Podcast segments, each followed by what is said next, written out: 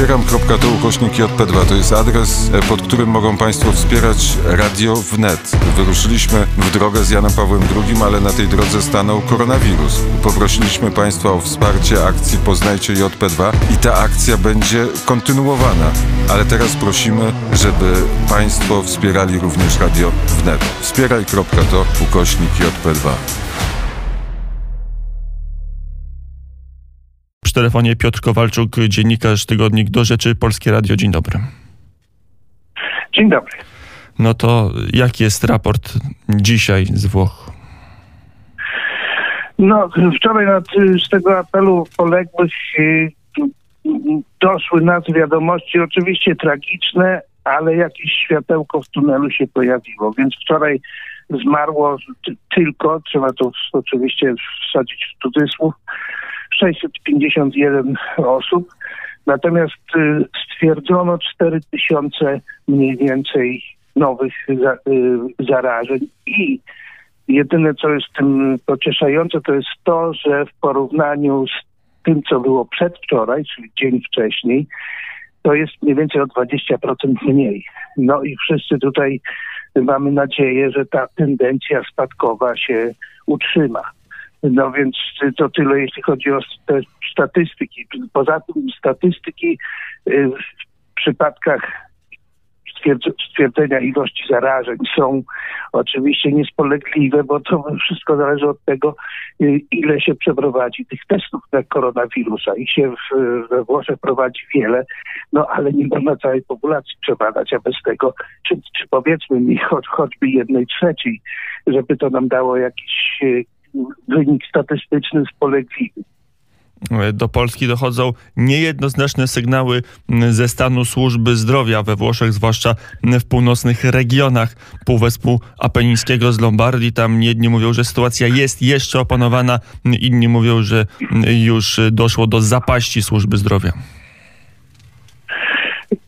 No, tu ciągle z tej północy nadchodzą te sygnały, że będzie zapaść, że to się wszystko rozpadnie, że ten system nie da rady, ale ciągle jakimś cudem to jeszcze działa, chociaż oczywiście sytuacja jest, jest no, bardzo trudna. Niemniej jednak o żadnej zapaści no, nie może być mowy w tej chwili. To są że tak powiem, dane czy, czy informacje historyczne i nie, nie mające nic wspólnego z prawdą. E, rząd włoski zdaje się kolejne restrykcje nakłada. Co jeszcze można zrobić? Co jeszcze można, jak jeszcze można ograniczyć e, wolność i swobodę poruszania się Włochów tak, aby ograniczyć pandemię mm, w tym kraju? Znaczy, może inaczej. E, do tej pory, o czym nie, czyli powiedzmy do piątku, czy, czy do soboty, o czym nie każdy wie, we Włoszech działała ponad połowa fabryk. Oczywiście na weekendy zazwyczaj to się zamyka, poza tymi zakładami, które muszą e, być w produkcji ciągłej. I dopiero teraz e, nadzwyczajnym dekretem e, no, zamknięto fabryki czyli, czyli zakłady produkcyjne poza tymi, które są niezbędne do funkcjonowania państwa. Więc można powiedzieć, że właściwie ta walka z koronawirusem na poważnie się zaczyna od dzisiaj dopiero bo no, no, te fabryki jednak no, były, to może nie siedliskiem zarażeń, zarażeń, ale okazją do zarażeń. Wiadomo, że jedynym sposobem, żeby wygrać z tym koronawirusem jest izolacja. I właściwie o prawdziwej izolacji możemy mówić dopiero od dzisiaj. A jaka jest e, społeczna recepcja tych wszystkich zaleceń, poleceń i decyzji e, rządu włoskiego? Bo pojawiają się w internecie e, filmy z Mediolanu, chociażby, gdzie ulice może nie są pełne, ale jest kilkudziesięciu biegaczy, że to nie są puste, wyludnione, trochę jak w Warszawie ulice, tylko że nawet w Mediolanie, no tam w epicentrum niemalże pandemii, jeżeli chodzi o obszar Włoch, cały czas ludzie z domów wychodzą, cały czas się kontaktują. No, to już jest, myślę, że dzisiaj to już będzie zupełnie niemożliwe. No, mój punkt obserwacyjny jest taki, bo też jestem zamknięty w domu, tyle co widzę z tarasu i co oglądam w telewizji. Więc to, to jeszcze nie jest takie nic strasznego, ale to wczoraj bodaj widziałem, nie przedwczoraj, obrazek z Neapolu, y, no, w centrum, centrum Neapolu, gdzie ludzie, gdzie, gdzie się nie znaczy jest tłum, ludzie chodzą na zakupy bez żadnych zabezpieczeń, no strasznie. Y, Natomiast jeśli chodzi o północ, to y, y, myślę, że tam już wreszcie ludzie zaczynają sobie zdawać z tego sprawy. Wszyscy tutaj mówią, że, że poza oczywiście no, jakimiś przypadkami takimi jak Neapol, to, to rzeczywiście Włosi są bardzo zdyscyplinowani. Y, Jeśli wziąć ilość kontroli, które przeprowadzono, a przeprowadzono ich tam ponad milion, y, zanotowano y, 5% skontrolowanych popełniło wykroczenia. To jest y, y, rekord Włoch. Tak karni i zdyscyplinowani Włosi nie byli nigdy przedtem. To już ostatnie pytanie do Piotra Kowalczuka, korespondenta Polskiego Radio, Radia w Rzymie i dziennikarza tygodnika Do Rzeczy. M, O to południe Włoch właśnie, czy już tam są nowe przypadki, czy już możemy mówić, że pandemia koronawirusa we Włoszech to nie jest tylko Lombardia, ale to, jest także, to są także południowe części tego kraju. Znaczy, y, oczywiście, że koronawirus y, tam dotarł, y, ale oczywiście nie rozwija się to tak dynamicznie i nie ma w ogóle porównania z tym, co się dzieje w Lombardii. Trzeba pamiętać, że do Lombardii ten wirus przybył jako pierwszy i rozwijał się bez żadnych przeszkód, bo nikt sobie nie zdawał sprawy z jego obecności. Ktoś się rozchorował, no zapalenie płuc, trudno w starszym wieku i tak dalej. Także dopiero zanim zaczęła się ta walka, to temu wirusowi dali szansę się rozprzestrzenić. To broń Boże nie jest żadne oskarżenie, tylko dlatego właśnie w Lombardii jest taka sytuacja y, o wiele gorsza niż gdzie indziej. Ale na razie wszystko jest y, pod kontrolą, w każdym razie tak nas uspokajają i my to, w to bardzo chętnie wierzymy. Powiedział Piotr Kowalczuk, dziennikarz Tygodnik Do Rzeczy, korespondent Polskiego Radia w Rzymie. Dziękuję bardzo za rozmowę. Dziękuję. i do usłyszenia i proszę się trzymać jak najlepiej, nie opuszczać mieszkania, nie opuszczać domu i, i trzymać się na posterunku.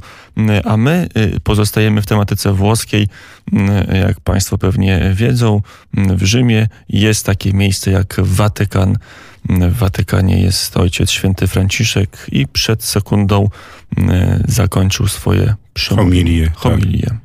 Z domu świętej Marty dla osób, które muszą pozostać w domu. Papież codziennie sprawuje teraz mszę świętą.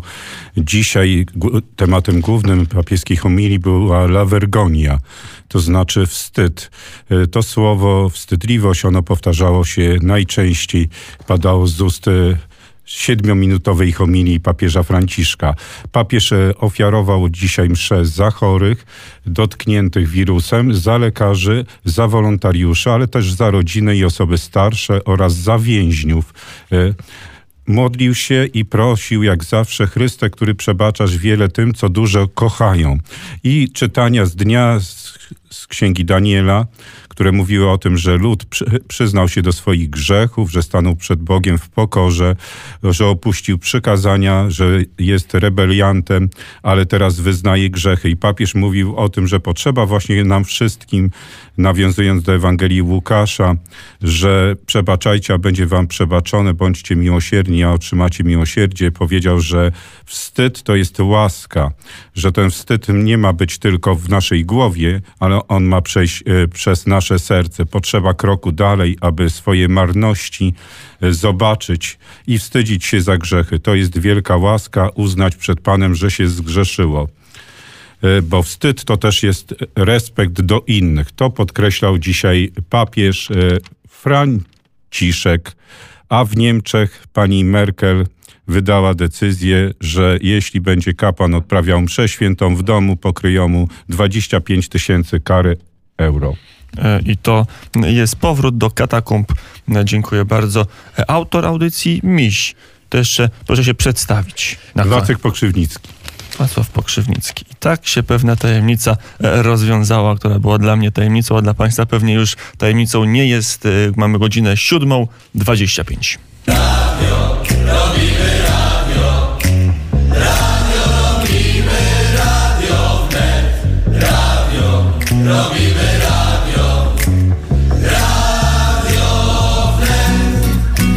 No to skoro był Watykan, to teraz czas zajrzeć, proszę Państwa, do polskiego rządu. Cóż tam słychać wśród polskich ministrów, wiceministrów? Przy telefonie Krzysztof Mazur, wiceminister rozwoju. Dzień dobry. Dzień dobry, witam Państwa. E, Jakie nastroje w rządzie? Y, Mobilizacja, pełna mobilizacja. Pracujemy y, od właściwie stycznia w takim trybie zespołu antykryzysowego. Spotykamy się codziennie. Wczoraj w niedzielę też bardzo intensywny czas do późnych godzin. No, a dzisiaj akurat nasz resort od dzisiaj zaczyna y, negocjacje, rozmowy, dialog z prawie specustawy tarczy antykryzysowej. Także dzisiaj cały dzień spotkań jest ze związkami zawodowymi, z pracodawcami. Jutro Rada Ministrów, y, w tym tygodniu od środy będzie też procedował Sejm nad tymi ustawami, także y, kolejny intensywny tydzień. E, Tarcza antykryzysowa ma utrzymać polską gospodarkę n- w życiu przez ten okres hibernacji, pozwolić jej wrócić do pełnej sprawności. Co dla Pana, jako współtwórcy tego aktu prawnego, jak e, mniemam, jest najważniejsze? Y, Współtwórcy to może dużo powiedziane, bo to są jednak decyzje zapadające na najwyższym y, szczeblu państwowym. Y, Dla mnie istotne było to, żeby znalazło się tam na przykład rozwiązanie dla osób znajdujących się na tych umowach, zlecenie, umowach o dzieło, tak zwanych śmieciówkach. I rzeczywiście takie rozwiązanie jest. Państwo w momencie, kiedy ktoś taki, ktoś, kto miał taką formę pracy, traci ją z dnia na dzień, proponuje y, 2000 zł brutto jako takiego, taki moment y, przejściowy, żeby ten ktoś nie utracił zupełnie dochodów. Wydaje mi się, że to jest jakiegoś, jakiegoś rodzaju rozwiązanie dla, dla tych osób, które mogą znaleźć się w bardzo trudnej sytuacji.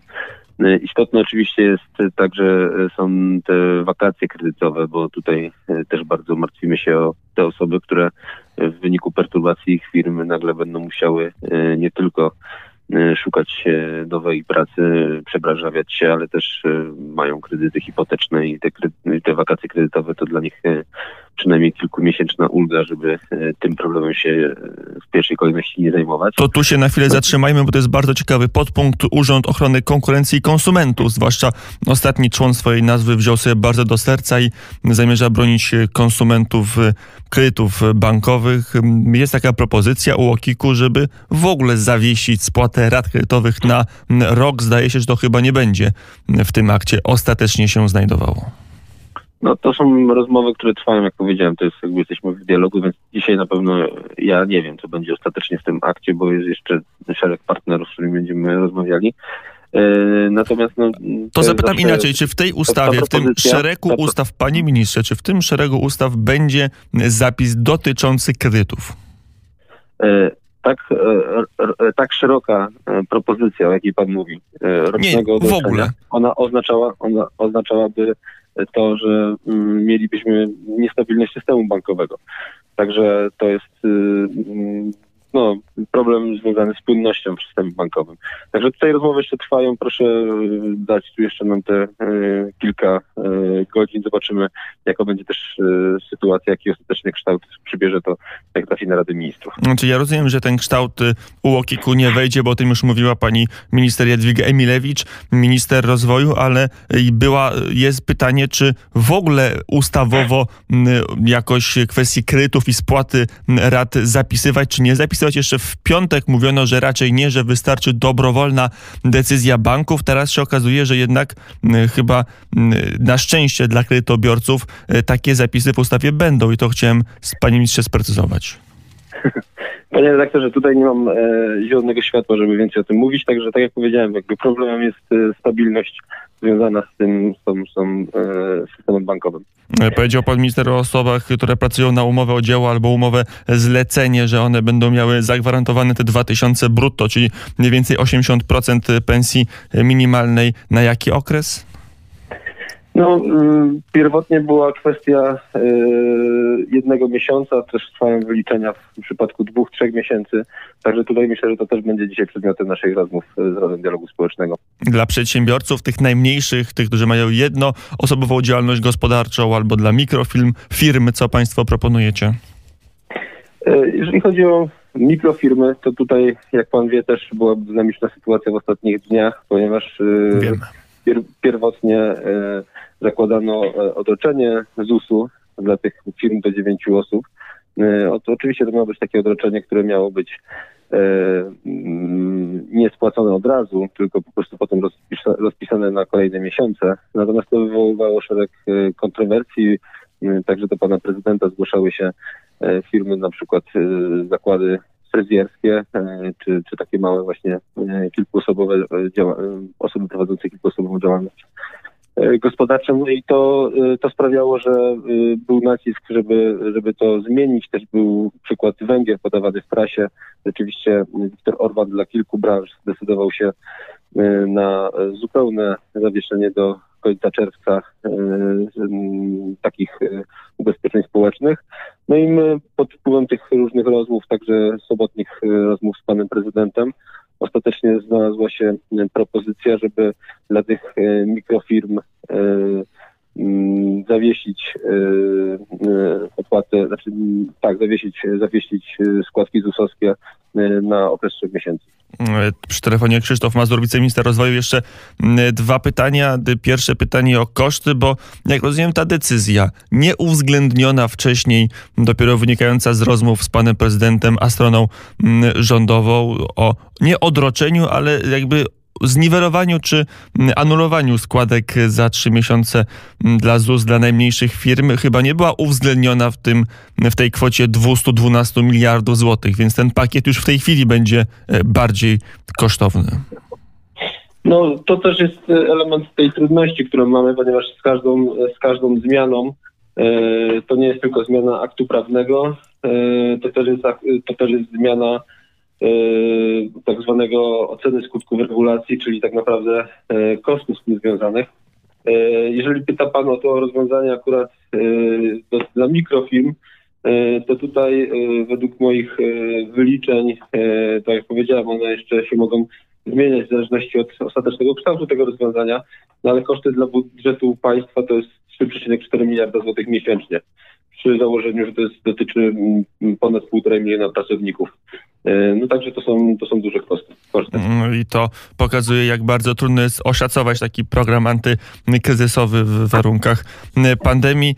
E, To jeszcze pytanie. Panie, panie redaktorze, chyba jeszcze najważniejsza trudność, o której, e, o której powinniśmy pamiętać, no to jest kwestia zawsze pytania, jak długo on potrwa, jak będzie głęboki. No a to nie są pytania dla osób zajmujących się gospodarką, to są pytania e, dotyczące medycznej strony tego zagadnienia. No i Mhm. niestety też tego, tego mechanizmu, że e, wszystkie propozycje e, związane z izolacją, czy z tym, żebyśmy przebywali jak, naj, e, jak na najbardziej takiej ścisłej kwarantannie społecznej, no to one uderzają wszystkie relacje społeczne i w gospodarkę, więc tak naprawdę im bardziej skutecznie walczymy z pandemią, tym trudniej jest prowadzić normalną działalność gospodarczą. Mm, e, Ty dlatego tych pytań nie zadaję, ale zadaję pytanie, na jaki okres jest ten e, pakiet? To jest pakiet na rok, na dwa kwartały? Mm, Jak e, długo polska gospodarka wytrzyma na tej tarczy antykryzysowej mm, w stopniu no, mniej więcej nienaruszonym? Jesteśmy świadomi tego, że ta sytuacja jest na tyle dynamiczna, że to w tematach gospodarczych mm, może, czy najpewniej nie będzie ostatnie słowo. E, Te rozwiązania są różne, jak pan widzi, to w zależności od niektórych, niektóre wyliczenia są na w perspektywie miesięcznej, niektóre są trzymiesięcznej, inne zostaną, mam nadzieję, na zawsze w e, prawie, dlatego że to jest e, bardzo długi akt prawny i, i tam są także rozwiązania związane z uproszczeniami administracyjnymi. E, Ekonomiści, wolnorynkowcy e, po takiej pewnie e, wstępnej e, zapoznaniu się z tymi postulatami mówią, że e, tacy jak Tomasz Grublecki na przykład, że e, widać tam, że przy tej okazji e, wprowadzono do reżimu prawnego pewne rozwiązania uproszczające działalność gospodarczą, e, o których przedsiębiorcy mówili od dawna, także mam nadzieję, że to akurat zostaną z nami na zawsze. Także no, akt dość szeroki i trudno mówić, że on miałby jakby jeden zakres y, czasowy. Zdajemy sobie sprawę, że sytuacja może być na tyle dynamiczna, żeby zmieniała się, żeby, że będzie on się również zmieniał w następnych y, miesiącach. Ja mam nadzieję, że nie, tylko liberalni ekonomiści, ale także wyborcy Prawa i Sprawiedliwości coś znajdą dla siebie na stałe w tym pakiecie, chociażby rozwiązanie kwestii mm, umów śmieciowych. No to od tego, jak pan redaktor e, widział, zacząłem, to jest dla mnie bardzo istotne, żeby ten pakiet e, przede wszystkim dbał o najsłabszych, o tych, którzy mają najtrudniejszą sytuację, dlatego e, mówimy o tych mikroprzedsiębiorstwach, dlatego mówimy o osobach domowych, śmieciowych, dlatego mówimy o kredycie hipotecznym, mm, to nie jest na pewno e, jakby mm, pisany z perspektywy tych e, tylko wyłącznie tych dużych firm e, pakiet. Natomiast akurat brak obciążeń administracyjnych myślę, że nie tylko liberałom, ale także wyborcom Prawa i Sprawiedliwości się podoba. Bo być może wśród wyborców PiSu są także liberałowie gospodarczy. Tego wykluczyć całkowicie się nie da. Doktor Krzysztof Mazur, politolog, wiceminister rozwoju, był gościem poranka wnet. Dziękuję bardzo bardzo. Dziękuję bardzo. I do usłyszenia. No to co, my w końcu może się doczekamy, może Państwo się doczekają, a może się nie doczekają. Muszę odczytać SMS-y, bo tutaj wszystko się... To ty czytaj SMS-y, a ja może zapowiem jakąś piosenkę. E, nie, ponieważ pan minister Waldemar Kraska, e, wiceminister zdrowia właśnie napisał SMS-a, że może być na antenie Radia Wnet tylko do godziny 7.40, więc teraz skorzystam z tej możliwości i teraz zapytam pana ministra przy telefonie Waldemar Kraska, senator i wiceminister zdrowia. Dzień dobry. Witam, dzień dobry. Mamy cztery minuty, trzeba się streszczać. Zaopatrzenie polskich szpitali. Jak wygląda z Lublina? Niepokojące sygnały. Tamtejszy szpital kliniczny napisał na Facebooku, że potrzebuje wszystkiego, że prosi mieszkańców Lublina i Polski o wszystko. Środków dezynfekujących po maseczki chirurgiczne. Jak wygląda sytuacja? E, panie doktorze, rzeczywiście e, nie tylko w Polsce, ale na całej Europie są problemy z zaopatrzeniem w środki ochrony osobistej, e, ale my uruchomiliśmy już dzisiaj praktycznie jutro będą praktycznie całe rezerwy nasze skierowane do tych szpitali, które zgłaszają, że tych środków ochrony osobistej nie ma. Szczególnie chodzi o te specjalistyczne maseczki z filtrem HEPA, czyli te maseczki, które zabezpieczają personel medyczny przed zakażeniem E, koronawirusem, bo zwykła maseczka, maseczka chirurgiczna tak do końca tego nie robi, więc trzeba e, dla personelu medycznego dostarczyć ten sprzęt, który będzie ich chronił. Dlatego uzupełniamy na bieżąco, idą nowe dostawy e, z Chin, więc myślę, że sprzętu ochrony osobistej, szczególnie dla personelu medycznego, bo to jest bardzo ważne, jest, jest, jest nam bardzo, bardzo potrzebny. Jak do tego doszło, panie ministrze, że szpitale muszą prosić o podstawowy sprzęt? Pamiętam, że myśmy e, przyjęli zasady, że szpitale zakaźne, szpitale jednoimienne, pogotowe ratunkowe są dla nas tym pierwszą linią frontu, więc one dostały tego sprzętu e, może troszkę z nadmiarem niż, niż, niż potrzeba. No, szpitale, które, które pracują, no, z reguły powinny mieć taki sprzęt, bo, bo to nie tylko chodzi o e, infekcję koronawirusem, ale także prze, niedawno była przecież grypa, były inne inne epidemie, świńska grypa, więc każdy szpital taki sprzęt powinien mieć. Oczywiście widzimy, że to zużycie jest coraz większe, dlatego staramy się tym szpitalom pomagać. Na rynku co prawda są do, dostępne te środki, tylko niestety te ceny y, są bardzo wysokie, czasem można powiedzieć, że paskarskie. Myślę, że też musimy to uregulować, aby ustalić cenę maksymalną na szczególnie te środki ochrony osobistej, aby szpitale no, nie płaciły krocie za to, co można kupić e, normalnie za parę złotych. W tej chwili ta cena jest 500 e, czy 600% wyższa niż poprzednio. Pan minister mówił o mm, mówił o dostarczeniu produktów z Chin. Wiemy, że w Czechach wylądował transport. To oczywiście e, to nie, był, to nie jest pomoc, tylko to trzeba, to musiało, musieli Czesi zapłacić, ale 12 milionów maseczek, ileś set tysięcy fartuchów. Czy taki sam transport przyjedzie do Polski? Myślę, że takie transporty już jadą. Część już nawet jest w tej chwili na, na naszych, e, w naszych magazynach, więc myślę, że nie będzie problemu z zabezpieczeniem sprzętu ochrony osobistej.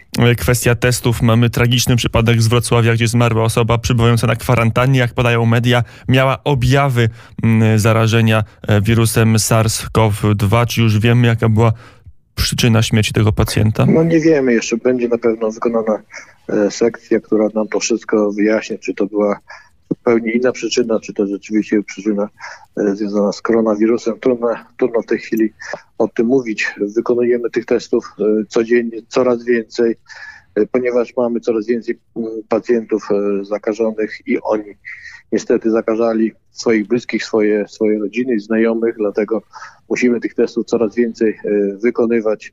Myślę, że w tym tygodniu ruszą kolejne laboratoria, czyli ten czas oczekiwania na te testy będzie zdecydowanie, na wyniki tych testów będzie zdecydowanie krótszy. Panie ministrze, wiceminister zdrowia Waldemar Kraska przy telefonie Radia Wnet, czy pana zdaniem, przedostatnie pytanie, e, każdy, kto potrzebuje testu, ten test w Polsce otrzymuje? Panie że tak. E, z tym, że no, ten temat testów ciągle wraca, prawda? To, że ktoś by uważał, że po jemu powinno się wykonać ten test, wcale nie oznacza to, że test wykonany dzisiaj da wynik miarodajny, czyli będziemy wiedzieć na pewno, czy ta osoba jest zakażona koronawirusem, nie. Bardzo ważne w tym wszystkim jest, aby w odpowiednim okresie ten test wykonać, czyli ten 5-7-dniowy okres od bezpośredniego kontaktu z osobą e, zakażoną. Jeżeli zrobimy ten test wcześniej, otrzymujemy, wynikujemy, który jest złudny. Jesteśmy zakażeni, zarażamy e, następne osoby, żyjąc w przeświadczeniu, że jesteśmy zdrowi. Więc to jest bardzo ważne, aby ten wywiad epidemiologiczny był zebrany i test wykonany w tym okresie, kiedy rzeczywiście ten wynik będzie e, miarodajny. Panie ministrze, ostatnie pytanie. We Włoszech w niedzielę spadła liczba osób, które zmarły, także liczba zakażonych jest niższa, czy tempo wzrostu jest niższe niż w sobotę. W Polsce także mieliśmy mniej, mimo większej ilości testów, mieliśmy mniej wykrytych zakażeń, bo tylko albo aż 98, a 21 marca w sobotę 113. Możemy mówić, że Polska idzie innym trybem tej pandemii niż kraje Europy Zachodniej? No wydaje się, że chyba tak, ale to, aczkolwiek no za wcześnie jeszcze mówić, bo tych osób zakażonych w Polsce rzeczywiście nie jest aż tak dużo jak w krajach Europy Zachodniej, więc, więc no za wcześnie. Ten tydzień będzie już nam pokaże, czy rzeczywiście idziemy inną ścieżką niż kraje takie jak Hiszpania czy Włochy, czy idziemy podobno. No, ten tydzień będzie myślę kluczowy, aby to wszystko określić. To my się umawiamy na dłuższą rozmowę w piątek i ocenimy ten tydzień, który będzie kluczowy przy telefonie Jasne. Radia Wnet i Poranka Wnet był e, Waldemar Kraska, wiceminister zdrowia. Dziękuję bardzo panie ministrze. Dziękuję, pozdrawiam. Do usłyszenia. Mm, no to prawie nam się udało zmieścić mm, w, tych, w tym czasie naznaczonym przez pana ministra najszybszy wywiad z wiceministrem zdrowia, jaki zrobiłem w życiu. Siódma e, minut 42 na zegarach w studio Jan Olencki. Niebywałe tempo narzucasz tymi rozmowami, więc ja chciałbym, przybywam z odsieczą dla słuchaczy, żeby troszeczkę odpoczęli na moment i taki też jest tytuł tego utworu. Rozali nam zaśpiewa Moment. A Państwo słuchają Radia Wnet w Warszawie, w Krakowie na falach FM oraz na całym świecie w internecie na www.wnet.fm. W telefonie Aleksander Arabadzic, prezes Fundacji Akademia Kadr Europejskich. Dzień dobry. No witam panie redaktorze, witam szanownych słuchaczy i, i, słuchaczki. Chyba po raz pierwszy w tym kryzysie światowym zaglądamy do Chorwacji na falach Radia Wnet, ale trochę dlatego, że pandemia w Chorwacji ma niecodzienny przebieg, bo do choroby doszło także tragiczne trzęsienie ziemi. To prawda. No i jeszcze dzisiaj dochodzi, dochodzą nad morzem, przynajmniej w północnej części Bura. To jest taki wiatr szturmowy, który jeszcze dołoży swoje, no i tam na wyspie Chwar pożar. No ale jakoś sobie Chorwaci muszą radzić przy obecnej sytuacji. E, to tak czasami bywa jak z, e, z pandemią teraz e, koronawirusa, tak? Że jakby Zagrzeb, Chorwacja leży jednak w miejscu, gdzie płyty tektoniczne się gdzieś tam, znaczy gdzie dochodzi do trzęsień ziemi i po prostu im się też trochę zapomniało. Szczęście w nieszczęściu jest takie, że oprócz takich e, ładnych, e, znaczy jak, e, takich powiedzmy reporterskich zdjęć, że coś tam się stało z architekturą, to tak naprawdę koniec końców nie jest tak źle, tak? No bo bardziej mhm. chodzi o kwestię nastrojów, no bo mamy dwie osoby poważnie hospitalizowane. Mówimy o dużym mieście, jednak ponad półmilionowym, więc tak naprawdę dwie osoby hospitalizowane i poważnie i około 30 osób nie, z mniejszymi jakimiś tam e, problemami. Chociaż tak zdjęcia naprawdę... rzeczywiście w internecie wyglądały szokująco. Można było obejrzeć e, duże fragmenty elewacji, które miażdżą samochody w wielkości dużych kontenerów na e, śmieci, tłumy, tłumy ludzi, którzy w strachu, w lęk w, przed kolejnymi wtórnymi wstrząsami uciekają na ulicę. No to jest prawda, tak? Bo jakby koronawirus y, i służby każą siedzieć w domu, a trzęsienie ziemi natura każe wyjść na zewnątrz. Więc jakby to jest chyba największy, ta psychika tutaj jakby y, społeczna wchodzi w rachubę i tu był chyba największy problem, ale no, Chorwaci jednak nauczeni, mówię, nauczeni z innych problemów jeszcze 20 lat temu, jakoś tam no, musieli się przystosować, chociaż nie zmienia faktu, że był wczoraj problem na przykład e, związany z tym, że e, dużo Chorwatów, tych mieszkających w Zagrzebiu ma jakieś tam, powiedzmy, nie wiem, działki, mieszkania nad morzem i nagle był eksodus, ludzie wsiedli w samochody i chcieli uciekać nad morze, tak, i jakby trzeba było część tych samochodów zawijać z powrotem do Zagrzebia. I od dzisiaj mamy większe obostrzenia związane z e, bezpieczeństwem, to znaczy zamknięto wszystkie targi, e, to raz, dlatego że Chorwaci jednak jako kraj byłej Jugosławii kulturowo, zresztą tak jak Słowianie w ogóle, lubią czas spędzać na targu i targi mimo właśnie tej kwarantanny były po prostu pełne ludzi. No i druga sprawa, że dzisiaj doszło też do obostrzenia, że jest skazane, ludzie mają nakaz przebywania w miejscu zameldowania czy tam zamieszkania, więc e, no jakby efektem tej pan, wczorajszych wydarzeń jest to, że ludzie muszą po prostu siedzieć na, w domu albo gdzieś tam właśnie być w swojej okolicy. Co jest tym trudniejsze, Plus... kiedy człowiek oczekuje mm, trzęsień ziemi i ma w pamięci, że nie dalej jak wczoraj mm, ziemia się poruszyła mm, pod y, stopami mieszkańców y, stolicy Chorwacji, pod Zagrzebiem, a y, mamy jedną tragiczną, ale bilans nie jest, nie jest fatalny. Wczorajsze trzęsienie ziemi, a sama pandemia, ile osób jest zakażonych w Chorwacji? Czy są jakieś przypadki śmiertelne? Nie ma, nie ma. Na dzień dzisiejszy nie ma śmiertelnych, ale też ta ilość zarażeń zaczyna wzrastać. Już jest też powyżej 100 zarażeń, a przypominam, że Chorwacja to jest 4,5 miliona mieszkańców, więc y, no one zaczęły teraz iść dość mocno w górę, te zarażenia, więc y, no tam to wynika z tego, że jednak jest bliżej Włoch. No i tak naprawdę oni do, oni, do, do Chorwacji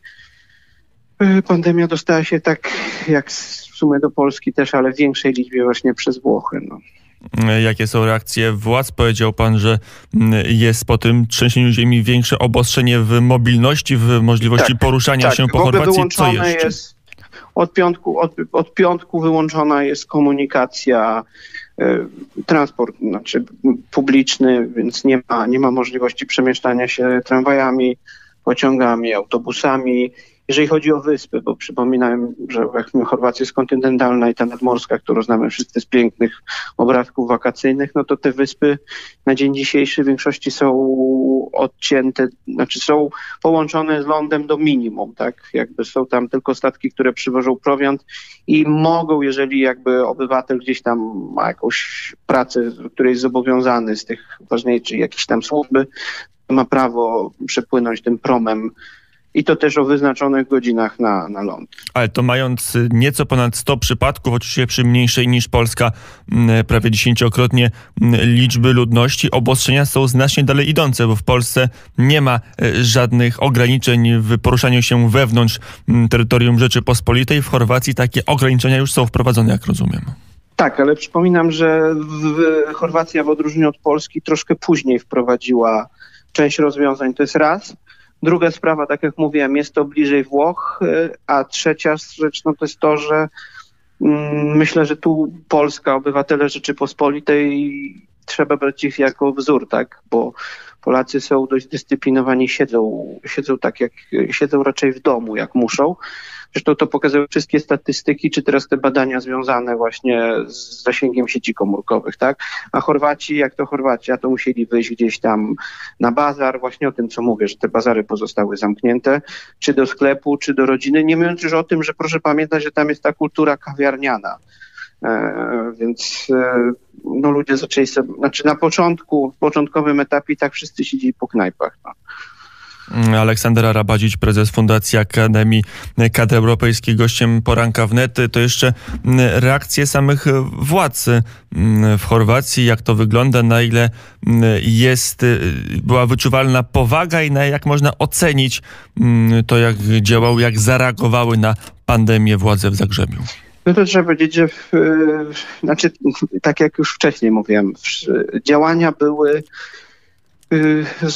znaczy wszystkie działania, które ja widzę przynajmniej w Europie Środkowej są następstwem działań y, władz polskich, tak, ale są dość podobne, tak, zamknięcie granic, zamknięcie ograniczenia e, mobilności. No dzisiaj przestają tam funkcjonować urzędy, też zamykane są urzędy. Zobaczymy, jak sobie poradzą, tak, no bo jakby jeżeli chodzi o system cyfrowy, tak jak w Polsce, na przykład dużo rzeczy można załatwić przez sieć, Tam jeszcze ten system nie jest tak y, dobrze rozwiązany, ale na przykład taka ciekawostka, kwestie dowodów osobistych i tak załatwia się w Chorwacji na komisariatach. Więc y, jak ktoś zgubi dowód, to daje radę, no bo oczywiście te instytucje funkcjonują. Mm, Aleksander Arabadzić, mm, pan na co dzień mieszka w Polsce czy w Chorwacji? Pan na co dzień mieszka w Warszawie, ale mm, ze względu na to, że pracuje właśnie w środowisku międzynarodowym, to jest regularnie w Chorwacji i regularnie też tam spędza nawet dłuższe czasy związane z projektami. No i tak już tak w takich trochę lepszych, w lepszych okolicznościach moi rodzice mieszkają, mieszane małżeństwo, Polka i Chorwat mieszkają na wyspie Cres. I jak kontakt z rodzicami wygląda? Jak ich Mama, relacje? mama, mama jest teraz w Polsce ze mną zresztą. W drugim pokoju, bo wiadomo, że łączymy się teraz cyfrowo, więc jest cała, jest cała i zdrowa, bezpieczna. Ojciec też jest w Chorwacji cały zdrowy i bezpieczny. No tylko dzisiaj będzie miał tą, ten sztorm, o którym mówiłem właśnie, Mm. bura, Wiatr która dzisiaj słynny Też. zresztą dla polskich żeglarzy, mm, y, mający swoje już y, takie legendarne wręcz mm, y, znaczenie. Aleksander Arabadzić, prezes Fundacji Akademia Kadr Europejskiej, był gościem poranka wnet. Dziękuję bardzo. Wszystkiego dobrego. Dziękuję panie redaktorze, dziękuję szanownym słuchaczom i słuchaczkom. I do usłyszenia.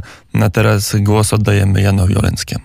Tak, chciałeś dłuższego utworu, ale, ale możemy puścić jednak ten krótszy z uwagi na to, że o ósmej Aleksander Wierzejski wróci do studia z wiadomościami, więc teraz, Byleby był dobry. no sądzę, że jest. E, Kruang Bin z utworem Texas Sun. Aleksander Wierzejski, witam Państwa. 294, 100 tysięcy to jest liczba potwierdzonych przez Światową Organizację Zdrowia przypadków zakażenia wiru, koronawirusem COVID-19. To jest choroba, która w związku z tym e, wirusem się rozwija. 12 944 osoby zmarły na tę chorobę. Jest ona w tej chwili dostępna w 186 krajach. W Polsce mamy 634 osoby zakażone. Tylko w niedzielę do e, ta liczba do tej liczby znaczy do 500 iluś doszło 98 przypadków. Siedem spośród zakażonych osób zmarło. Ostatnia to 37-letnia kobieta, która przebywała w szpitalu w Poznaniu i 43-letni mężczyzna e, hospitalizowany w Radomiu. Rząd w tej chwili dyskutuje nad programem, który nazywa się Tarcza Antykryzysowa. Ma on uchronić gospodarkę przed skutkami spowolnienia w drugim, trzecim kwartale. E, Ten e, plan przewiduje działania w czterech obszarach. Poprawa płynności finansowej przedsiębiorstw, odroczenie niektórych obowiązków e, zabezpieczenia miejsc pracy i dochodów pracowników, a także rozwiązania umożliwiające, usprawniające realizację zadań. To Cały program ma niemal 70 punktów. Prezydent dołożył do niego jeszcze w mm, sobotę zwolnienie na trzy miesiące przedsiębiorców z ZUS-u, zleceniobiorców, a także mikrofirm, które mają co najmniej y, do 9 osób zatrudnionych i których przychody w stosunku do lutego spadły o 50%. E, Głównie w tym programie chodzi o poprawę płynności finansowej przedsiębiorstw, po to, by te przedsiębiorstwa, kiedy minie kwarantanna, mogły zacząć działać i tr- utrzymały przede wszystkim pracowników. Kolejny temat. Mamy również chorobę mojego komputerka i teraz nie mogę przeczytać. To ja na sekundę m, przejdę do prasy, bo to m, mimo, że jest pandemia, gazety jeszcze jakieś wychodzą. Tygodnik sieci, długi wywiad z ministrem zdrowia, profesorem Łukaszem Szumowskim. M, Wszystkim pytanie o te maseczki, fartuchy, fartuchy i gogle, czyli sprzęt ochrony osobistej dla lekarzy. Pytają, pyta się pan redaktor Pani redaktor Dorota Łosiewicz, minister odpowiada, wszystkim na świecie brakuje, bo nikt nie szykował się na pandemię. Dziś w niektórych mediach mogliśmy przeczytać, że Francuzi wyczerpali zapasy środków ochrony osobistej. My staramy się ściągać sprzęt z każdej strony świata, w tym także z Chin. Codziennie rozmawiamy z oferentami, staramy się robić nowe zakupy. Pracujemy także nad uruchomieniem polskiej produkcji. Niesamowici są polscy przedsiębiorcy, którzy proponują nam przesunięcie swoich linii produkcyjnych w stronę szycia kombinezonów, maseczek, sprzętu ochronnego. Chwilę przed naszą rozmową wojewodowie dali dyspozycję zaopatrzenia ratowników w kolejny sprzęt ochrony osobistej 13,5 tysiąca maseczek oraz 6 tysięcy kombinezonów do, dla diagnostów. Wiemy, że oni są na pierwszej linii frontu. Do wszystkich szpitali jednoimiennych dotarło po tysiąc sztuk kombinezonów i tysiąc mm, sztuk maseczek, ale to e, będzie za mało, jak już e, Państwo pewnie wiecie, do Czech przyleciał transport 12 milionów maseczek, więc liczba 13,5 e, tysiąca nie robi wrażenia. Aleksander Wyżejski. Tak, w Polsce informacje na temat y, jednej z firm odzieżowych, które wykupiły y, maseczki i wysłały je do swoich fabryk w Chinach. To działo się w grudniu i styczniu. Z drugiej strony informacje, jakoby polscy celnicy konfiskowali tysiące maseczek, które jechały do Włoch. To podawana informacja na pierwszych stronach gazet, mm, między innymi taki z czerwonym kwadracikiem czy prostokącikiem. Okazało się to wszystko y, fake newsem. A my przechodzimy do wiadomości prawdziwych. Amerykański Bank Centralny e, ma przygotować pakiet e, pomocy pożyczek dla przedsiębiorstw, który ma e, pozwolić uratować amerykańską gospodarkę. Pakiet wynosi 4 biliony dolarów, 4 tysiące miliardów dolarów. Mówił o tym wczoraj sekretarz skarbu amerykańskiego Steven Mnuchin. E, przy okazji wiadomości ze Stanów Zjednoczonych senator Rand Paul mm, jest, został zdiagnozowany i ma również koronawirusa. Był to człowiek, który przeciwstawiał się e, środkom podejmowanym przez rząd i jakimś działaniom konkretnym przeciwko temu e, koronawirusowi. Międzynarodowy Komitet Olimpijski powiedział w niedzielę, że zamierza przełożyć przewidywane na 2020 rok Igrzyska Olimpijskie Przynajmniej jest to jedna z opcji, która w tej chwili jest bardzo poważnie rozpatrywana. Informował o tym e, szef Międzynarodowego Komitetu Olimpijskiego Tomasz Bach. E, Niemcy wprowadziły e, ścisłe zasady ograniczające spotkania ludzi. Otóż maksymalna liczba osób biorących udział w spotkaniu wynosi dwie. Światowa Organizacja Zdrowia informuje o w rozpoczęciu y, ogólnoświatowych testów które mają wyłonić lek, który działa na koronawirusa. Ten program jest nazwany Solidarność, Solidarity. Około 15% pacjentów zarażonych wirusem COVID, chorych na COVID-19 ma jest w bardzo poważnym stanie, a szpitale e, nie mogą, to jest, e, coś, co dzieje się na całym świecie, nie mogą podołać liczbie chorych. Wobec tego są cztery propozycje. Pierwszy to jest produkt firmy Remdesivir przygotowany już na um, epidemię wirusa Ebola przez firmę Gilead. To jest firma produkująca tylko i wyłącznie leki antywirusowe. Ma podobno działać właśnie na e, wirusa i ograniczać jego e, zakażanie. Kolejna to para leków znanych, e, chlorokina i hydroksyklorókina. Te leki również sprawiają, że przebieg choroby jest łagodniejszy. Para lekarstw Ritonaf i Liponavir również będzie testowana, produkowana przez laboratoria Abbott, i, I, kolejna wersja to też Ritonavir, Lopinavir plus interferon beta. Tutaj również e, Światowa Organizacja Zdrowia chce się przekonać, czy te informacje działają. Dzisiaj e, spotkania i rozmowy mm, ministrów spraw zagranicznych Unii Europejskiej za pomocą wideokonferencji. Odbędzie się ona o 11. No i tutaj w tematach jest oczywiście yy, kwestia koronawirusa oraz to, co dzieje się w Turcji na granicy turecko-greckiej. E, wielkie zamieszki wczoraj tureccy policjanci dali tym ludziom, którzy czekają, chcą przejść na, przez granicę Unii Europejskiej, mm, gazy bojowe i zadymiano greckich strażników granicznych oraz również polskich, bo tam są reprezentanci wszystkich służb granicznych Unii Europejskiej. No to jak jesteśmy na blisko Bliskiego Wschodu, to jeszcze Iran, proszę Państwa. Um, e, Ali Khamenei, najwyższy przywódca Iranu, powiedział, że e, jego kraj nigdy nie zaakceptuje pomocy od szarlatanów i arcywrogów Stanów Zjednoczonych. E, w Teheranie e, za, poinformowano o 190 nowych przypadkach śmiertelnych. Iran oskarża kraje Zachodu o spowodowanie tej epidemii. To może, żeby już wyjść z tego tej tematyki koronawirusowej, A to, jeszcze, to skoro chcesz wyjść, to jeszcze ja na chwilę pozostanę w tej tematyce.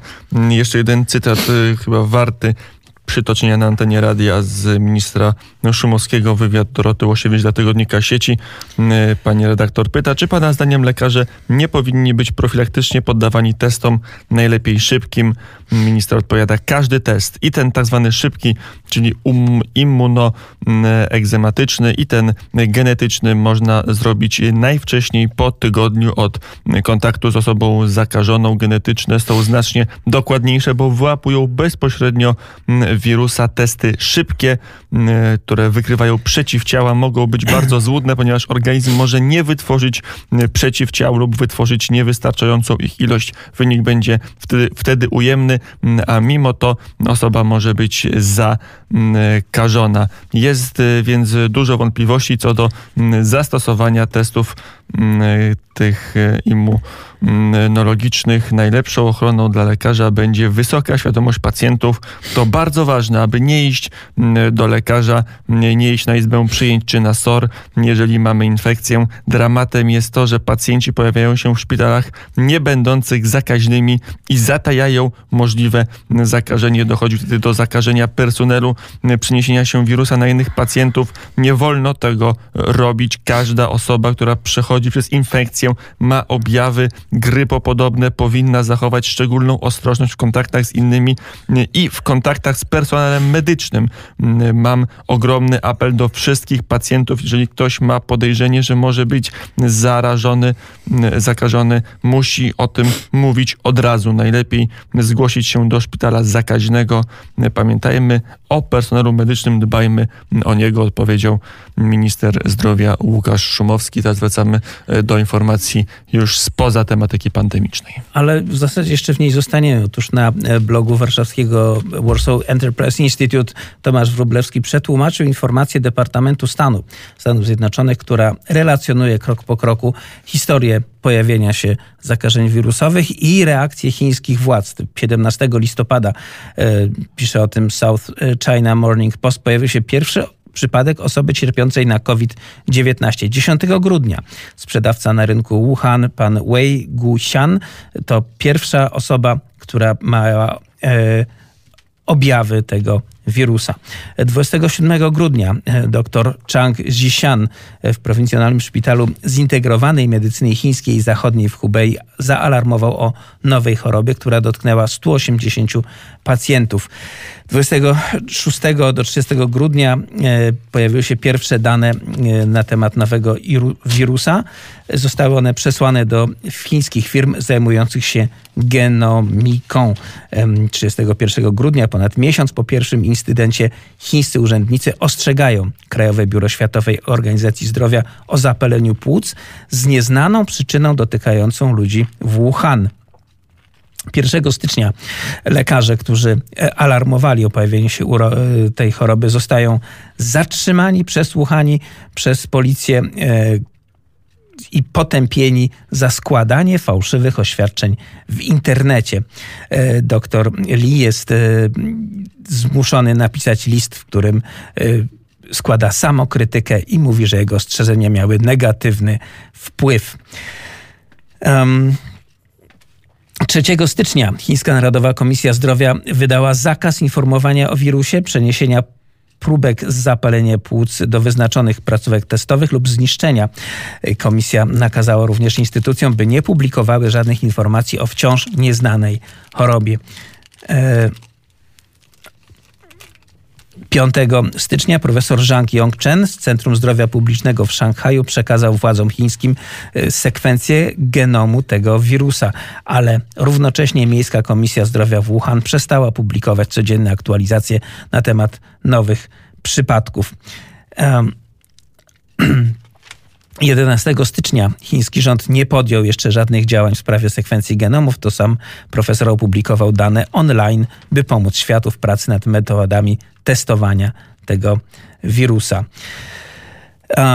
No i ta cała historia dzień po dniu, jak Chińczycy e, mataczyli w sprawie wirusa jest bardzo, bardzo smutna i bardzo typowa dla państw, e, które są totalitarne. My to mówimy szerzej, bo po 8.30 gościem poranka wnet będzie Tomasz Wróblewski, będzie mógł, mm, może nie z pierwszej, ale z drugiej ręki, e, jako tłumacz tego dokumentu mm, opowiedzieć, jak się e, rozwijała pandemia. Czyli to była przerwa reklamowa, nie wiadomość. To teraz, proszę Państwa, jeszcze jedna informacja z Muzeum Auschwitz, które poinformowało o tym, że posiada drugą część archiwum dotyczącego grupy Ładosia po blisko dwóch latach negocjacji z e, osobą bliską e, mm, z panem Markusem Blechnerem, to 79-letni potomek ocalałych z zagłady, który w 2018 roku odegrał kluczową rolę przy odzyskaniu pierwszej części archiwum AISA.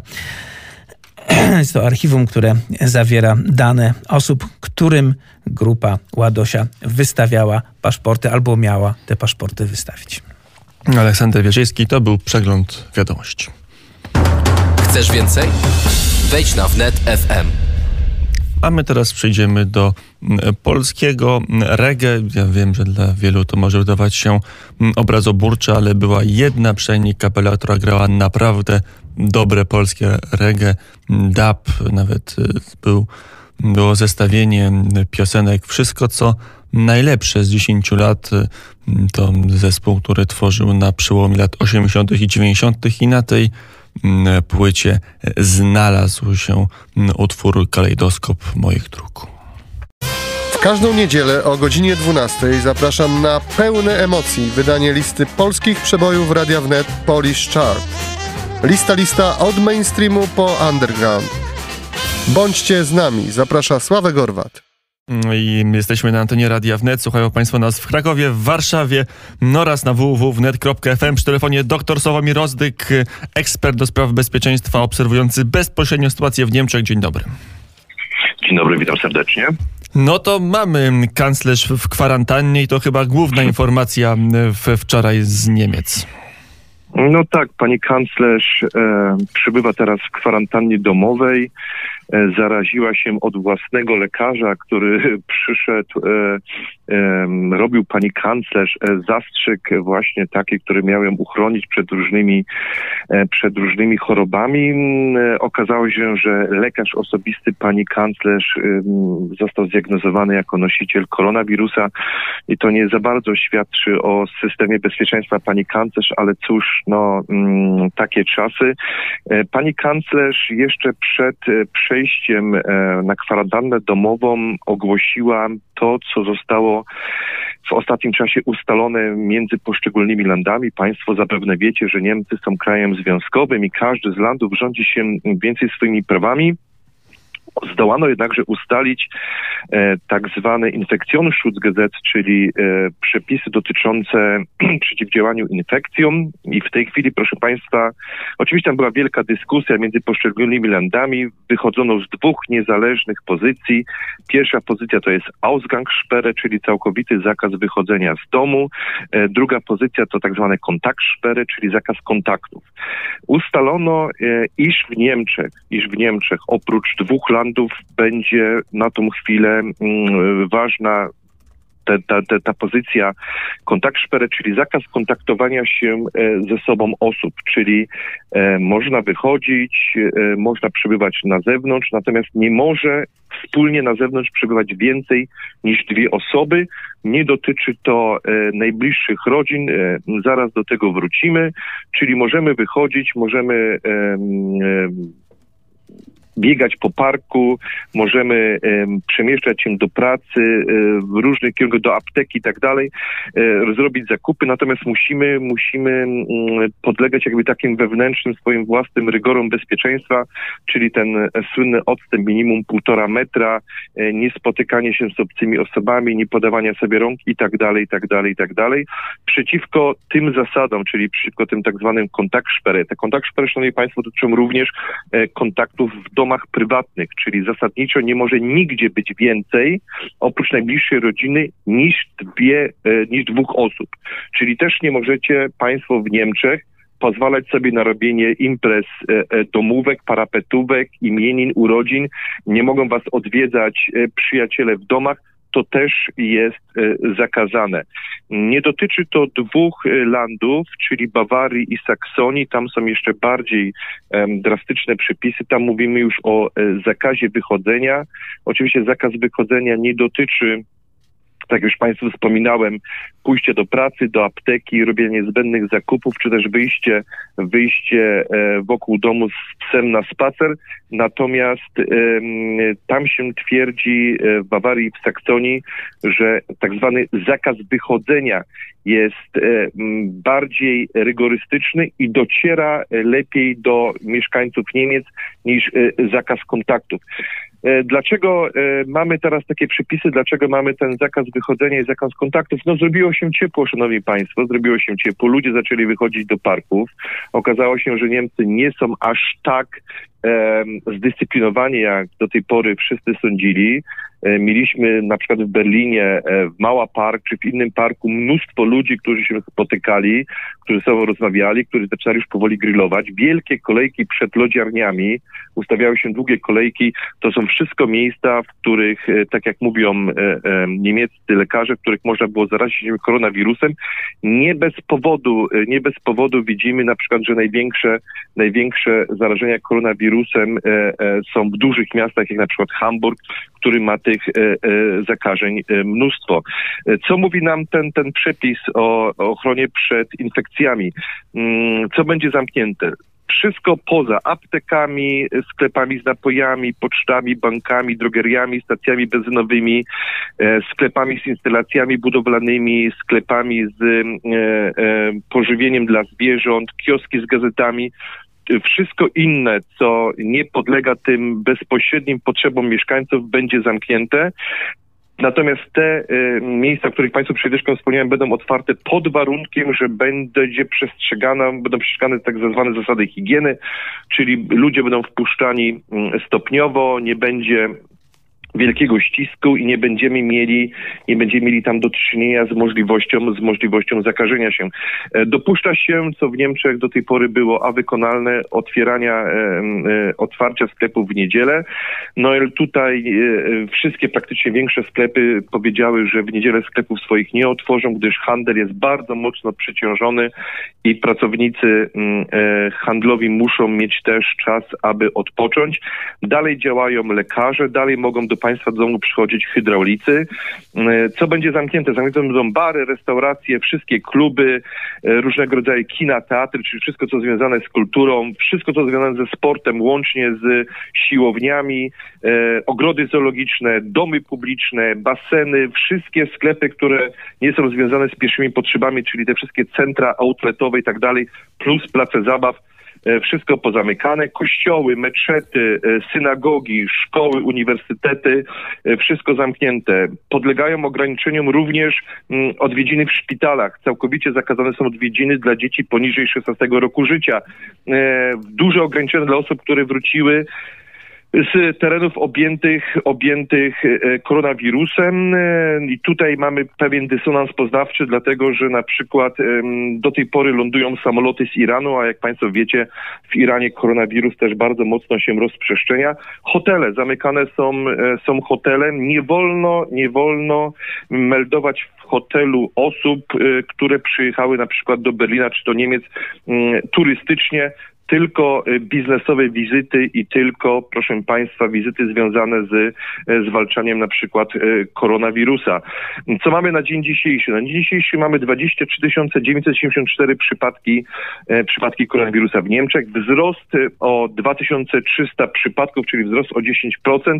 I tu się podkreśla, że jest to mniejszy wzrost niż jeszcze był z piątku na sobotę, gdyż wówczas był wzrost o 30%, czyli jakby ta ten Ausgangssperre, czy zakaz wychodzenia, czy też ten zakaz kontaktów, który teraz będzie, już przynosi pozytywy. Natomiast fachowcy mówią, nie popadajmy w euforię, to jeszcze nic nie znaczy. No i mamy 92 przypadki śmiertelne i tutaj no dziwna sprawa, jak już to nawet y, y, mainstreamowe media zauważają, jest bardzo mała śmiertelność w Niemczech, to jest około 0,14% e, tylko. No większość, większość ludzi, y, znaczy większość fachowców, którzy się tym koronawirusem zajmują, mówią, że tutaj polega to na mm, jak tak zwanej kreatywnej księgowości, księgowości niemieckiej, czyli jeżeli ktoś był chory na serce i miał zawał serca, miał również koronawirusa, to automatycznie, automatycznie mm, jest podawane jako przyczyna śmierci atak serca, a nie koronawirus.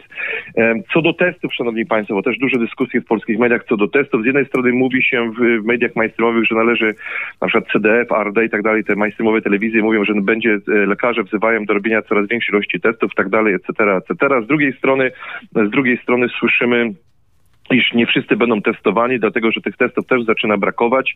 Jeżeli mówimy o brakach, to, ten nowa, to te nowe przepisy o e, zabezpieczeniu się przeciwko infekcjom mówią również o tym, że będzie teraz centralne ro, e, rozdzielnictwo, centralne rozdzielnictwo e, środków ochrony i, i, i lekarstw, e, jeżeli chodzi w, w czasach pandemii.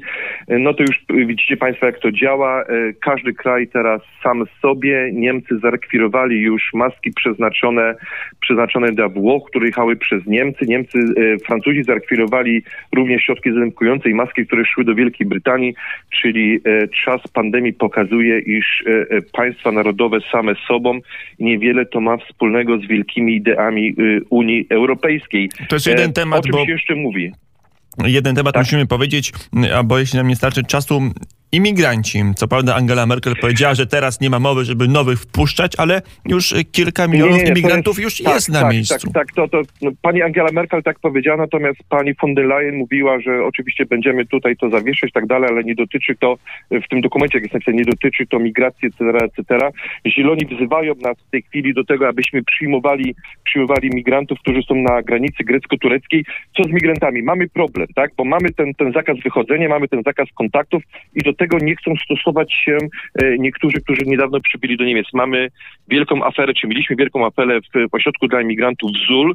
Tam musiano użyć wozów bojowych, musiano użyć oddziałów policyjnych e, w pełnym opróżniowaniu, ale również zabezpieczonych e, przeciwko wirusowi, dlatego iż tam przybywający, którzy byli w kwarantannie, bo stwierdzono wśród tych ludzi tam koronawirusa, zagrozili, że podpalą ośrodek, używali dzieci jako tarcz, próbowali wyjść kanałami, próbowali uciekać. Zresztą jeden tam z tamtych, z tamtych osób uciekł z tamtego miejsca i tutaj mamy problem, e, e, tak samo mieliśmy w Zul, tak samo mieliśmy w Heidelbergu, tutaj mamy problem e, z tymi rzeczami. Zresztą na koronawirusie w Niemczech w tej chwili próbuje zbić kapitał różne grupy.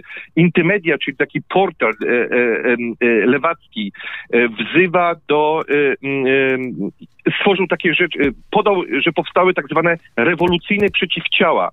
Czyli to są grupy osób oczekujących na dzień X, które wzywają do antyrządowych akcji, e, e, organizowania band, e, organizowania podpaleń, grabieży, zniszczenia imienia, czyli to są ci, którzy czekają na, na dzień X. Mamy też do czynienia taki, bo nie mamy dużo czasu, mamy do czynienia też z czymś takim jak Allah Korona, czyli Allah Korona to już to, co Państwo słyszeliście, czyli na przykład gość idzie przez, przez dworzec w Lipsku, opluwa, opluwa mieszkańców, przecież spryskuje ich pewnym środkiem i krzyczy Allah korona.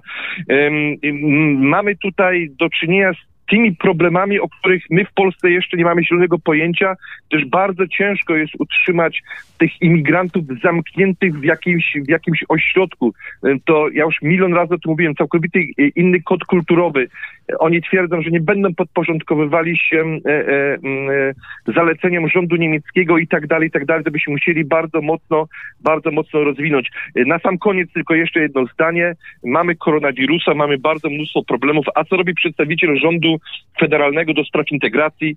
Otóż ostrzega on przed zaniechaniem walki z prawicowym ekstremizmem, gdyż korona nie powinna zaniechać walki z prawicowym ekstremizmem. Zieloni natomiast wzywają do pieców e, na olejowe i do ściągania ludzi z granicy greckiej. Każdy ma swoje własne e, priorytety i każdy ma swoje własne, że tak powiem, podejście do walki z koronawirusem w Niemczech. Powiedział dr Sławomir Ozdyk, ekspert do spraw bezpieczeństwa mieszkający na co dzień i pracujący w Niemczech. Dziękuję bardzo. Dziękuję. I do usłyszenia. Mamy godzinę 8 minut 32 przy mikrofonie zasiadł Jan Oleński.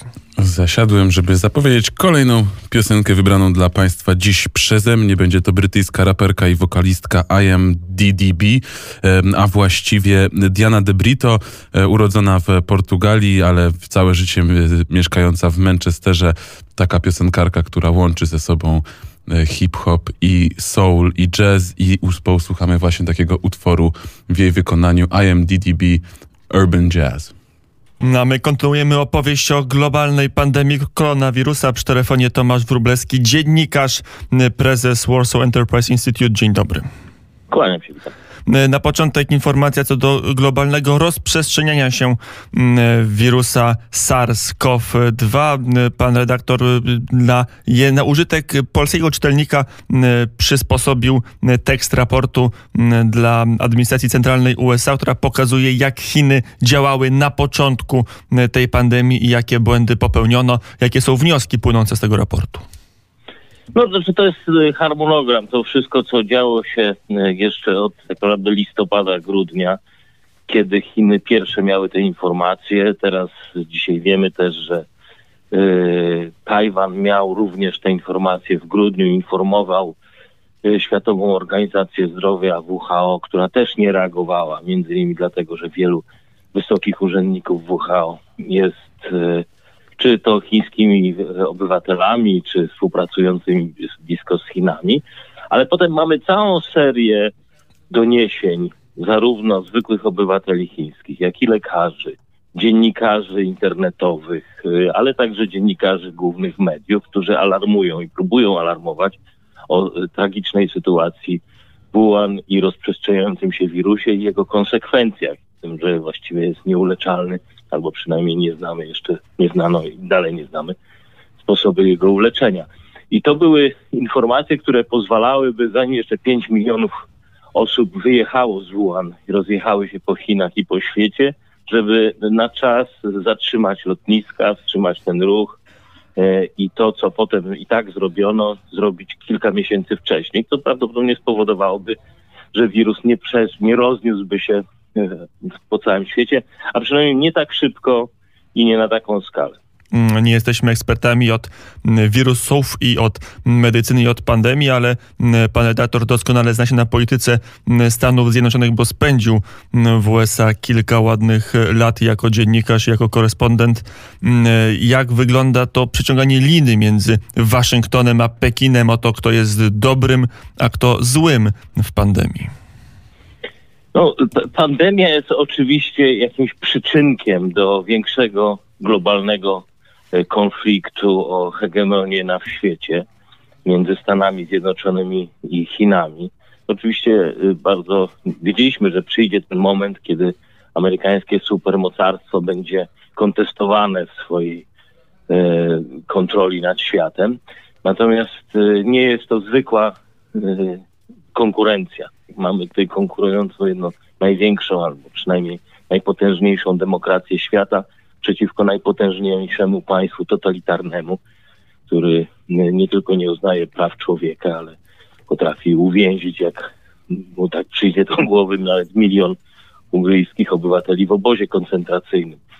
E, I to tak naprawdę jest to konkurencja między wolnością a niewolnością, między totalitaryzmem a, a demokracją. Znaczy ona jest dlatego tak istotna dla świata, nie tylko dla Ameryki. Pokazywanie tego w kontekście rywalizacji dwóch imperiów może technicznie jest prawdziwe, ale tak naprawdę my po raz kolejny wracamy do walki między e, demokracją a totalitaryzmem, między dyktaturą a wolnością. Także e, na to na początku trzeba zwrócić uwagę. Tylko, że w tej wojnie, ja dopytam, e, dyktatura ma maseczki, mówiąc kolokwialnie, a demokracja maseczek nie ma. No, To oczywiście się będzie też e, zmieniało. My do końca nie wiemy, jak wygląda ta sytuacja w Chinach, jak, do jakiej skali e, był ten e, szok i to naprawdę ile osób umarło. Prawdą jest oczywiście, że w tej chwili i Europa Zachodnia, i Stany Zjednoczone przechodzą ogromny wstrząs i prawdopodobnie rację mają ci, którzy mówią, że w demokracji trudniej jest opanować rozprzestrzenianie się wirusa w krótkim czasie. Trudniej jest y, zapanować nad przemieszczaniem się ludzi. To wszystko jest prawda, no bo jest to demokracja i ludzie bardziej, bardziej musimy polegać na inicjatywie samych obywateli, a nie policji i systemów inwigilacji. Też, też to pewnie będzie się zmieniało. Natomiast kiedy dzisiaj patrzymy na to, gdzie powstaje y, ewentualna nowa szczepionka czy lekarstwo na walkę z wirusem, to nie są to Chiny, to nie jest to Rosja, to nie jest to Iran. W tej chwili testowane są e, jedna w Stanach Zjednoczonych, w Australii w zasadzie już jest po testach e, przeprowadzonych i jest również e, lek przygotowywany we Francji. Także trzy równolegle. Jednak kiedy chodzi o prawdziwą walkę z wirusem, czyli znalezienie sposobu leczenia, to możemy liczyć znowu przede wszystkim na paragraje kapitalistycznej na e, demokrację, a nie komunistyczną dyktaturę. Także y, y, oczywiście łatwiej jest państwom totalitarnym zablokować funkcjonowanie państwa i zmusić obywateli do ogromnych wyrzeczeń. Natomiast y, nie wiem, czy to w ostatecznym rachunku będzie lepsze dla samych obywateli. Przy telefonie poranka wnet Tomasz Wróblewski, prezes do Warsaw Enterprise e, Institute. To jeszcze ten wymiar ekonomiczny, bo pan na co dzień w swojej tak. pracy dziennikarskiej ekonomią się zajmuje i to taką ekonomią chciałoby się klasyczną dla polskiego wyobrażenia, czyli liberalną, jak pan obserwuje to zmaganie się państwa, bo to jest chyba nowa sytuacja, kiedy w zasadzie wszyscy, nawet ultraliberałowie, może poza panem premierem Balcerowiczem, oczekują silnej ingerencji państwa w gospodarkę w tym momencie. Znaczy, ingerencja państwa jest konieczna, oczywiście, bo do tego jest państwo także w demokracjach. E, i w wolnorynkowych demokracjach. Po to utrzymujemy to państwo, żeby w sytuacjach kryzysowych funkcjonowało. Najważniejsze w tej chwili działanie, to co jest najważniejsze dla gospodarki, to jest zabezpieczenie pracowników i ochrona przedsiębiorców. To są jakby kluczowe rzeczy, żeby pracownicy mieli z czego żyć, a przedsiębiorcy mieli możliwość odbudowy swojego biznesu w przyszłości. To jest y, zresztą założenie tego programu tarczy ochronnej gospodarczej, którą przygotował e, rząd i niewątpliwie bardzo cenna e, inicjatywa. Niebezpieczeństwa i pułapki takich programów, które pojawiają się, polegają na e, próbie nadmiernego komplikowania tego, czyli budowania zbyt wielu składowych czy elementów, uzależniając to na przykład o jakim procencie następuje spadek dochodów i w zależności od tego będzie taka, a nie inna ulga, jeżeli chodzi o składki ZUS czy e, podatki. E, przejrzałem chyba większość tych państw OECD, jeżeli chodzi o zmiany systemów podatkowych. No i to, w jakim kierunku idą rządy, jak ewoluują te programy pomocowe, to przede wszystkim właśnie maksymalna prostota i żeby jak najszybciej te pieniądze mogły docierać do pracowników i do firm. Drugi problem to jest w ogóle globalny kryzys pieniądza. My w tej chwili mówimy o 23 e, bilionach dolarów stracie wartości obrotów rynku na świecie od połowy lutego do dzisiaj. To jest dopiero tak naprawdę początek tego ruchu, właściwie do 15 marca, czyli miesiąc. E, I to, to będzie dalej się ta sytuacja pogłębiała. Firmy potrzebują coraz więcej pieniędzy właśnie na utrzymywanie czy płacenie pensji swoim, choćby i postojowego swoim pracownikom. W związku z tym e, zaczynają sprzedawać rozmaite płynne, jak my to mówimy, e, najłatwiej zbywalne wartości, czyli obligacje, akcje, wszystko, co mają w swoim posiadaniu. To tworzy nowy rynek spekulacji na ogromną skalę. Jak ja tu patrzę, podglądam, jak się zachowują niewielkie niektóre rekiny finansowe, jak Buffetta, kupują za prawie 18 miliardów dolarów już wykupił akcje linii lotniczych na całym świecie, jak szukając rozmaitych okazji. To będzie spowodowało przewartościowanie firm, którym będzie też ciężko się potem podnieść. Problem jest w tym, że jak już wszystkie firmy sprzedadzą e, swoje płynne zasoby, a tego to już widać następuje, e, będą szukały, już szukają pieniędzy w bankach. Tak? I do maksimum wykorzystują kredyty, czyli możliwości zaciągania e, długów, kredytów operacyjnych. I też już mamy to w Europie Zachodniej i w Stanach Zjednoczonych że część tych pieniędzy została wydrenowana do spodu z banków. No więc banki przestają mieć pieniądze. W momencie, kiedy banki nie mają y, pieniędzy, a też nie chcą się ich y, specjalnie wyzbyć, muszą się zgłaszać do y, banków centralnych. Mamy to także w przypadku Polski, gdzie bank centralny stara się odkupować obligacje. Czy nie jest to za wcześnie? Niektórzy ekonomiści podejrzewają, że troszeczkę przestrzelił polski bank kopiując niektóre modele najbogatszych gospodarek. Niemniej wtedy w pewnym momencie pojawia się problem, że banki centralne mogą także nie mieć dość pieniędzy albo muszą je w takiej ilościach dodrukowywać, że będzie się destabilizował cały system. Mieliśmy dość absurdalną sytuację w Stanach Zjednoczonych, kiedy amerykańskie banki, amerykański bank centralny tak naprawdę poprosił meksykański bank centralny żeby on amerykańskiemu bankowi pożyczył dolary na spłacenie kilku amerykańskich banków w Meksyku, kiedy bankowi centralnemu na przez chwilę zabrakło dolarów. Także to jest dość bardzo niebezpieczna sytuacja, czyli zachwianie płynności na, na rynkach. E, to zanim zadam Kolejne, być może ostatnie pytanie to informacja sprzed 8 minut. Mamy 15 nowych przypadków zakażeń koronawirusem w Polsce. To są 8 osób z województwa śląskiego, 3 z województwa małopolskiego, dwie osoby z województwa kujawsko-pomorskiego oraz po jednej osobie z województwa lubelskiego i świętokrzyskiego. Suma zakażeń to jest 649 w tym 7 przypadków śmiertelnych przy telefonie. Poranka wnet Tomasz Wróblewski, prezes Warsaw Enterprise Institute. To jeszcze pytanie, może zbyt wczesne, ale już wszyscy staramy się wywróżyć i z tych pakietów pomocowych i polskich i innych państw OECD, ale w ogóle z rozwoju sytuacji, jaka będzie gospodarka po e, pandemii. Wiele osób mówi, że będzie inna gospodarka, że ten wstrząs znacznie bardziej przemodeluje naszą, naszą ekonomię niż to zrobił kryzys z roku 2008? No, wszystkim, którzy siedzą w domu na kwarantannie i zastanawiają się, jak tym, jak będzie ten świat wyglądał, mogę tylko powiedzieć, że ten świat już wygląda inaczej. My y, nie czekajmy na to, co będzie w przyszłości, to już się dzieje. Zawieszane prawa obywatelskie, y, zmieniające się funkcjonowanie pieniądza, o którym przed chwilą mówiłem. Y, jest wiele rzeczy, które już nastąpiły, te zmiany. I Historia nas uczy, że prawa i przepisy zmieniane w chwilach y, kryzysu i tego napięcia, w takich nadzwyczajnych momentach okazują się najtrwalsze. Nawet Konstytucja Stanów Zjednoczonych powstała y, w ciągu kilku dni, kiedy wydawało się, że się nie uda jej ostatecznie podpisać. Także też to był akt tymczasowy. I także musimy o tym pamiętać, że te przepisy i te prawa, które przechodzą z dnia na dzień, bardzo szybko. Rzeczy, które normalnie wymagałyby miesięcy, jak nie lat, do uzgodnień, dyskusji, debat społecznych, podpisywane są, przygotowywane są w nocy przez kilku urzędników czasem.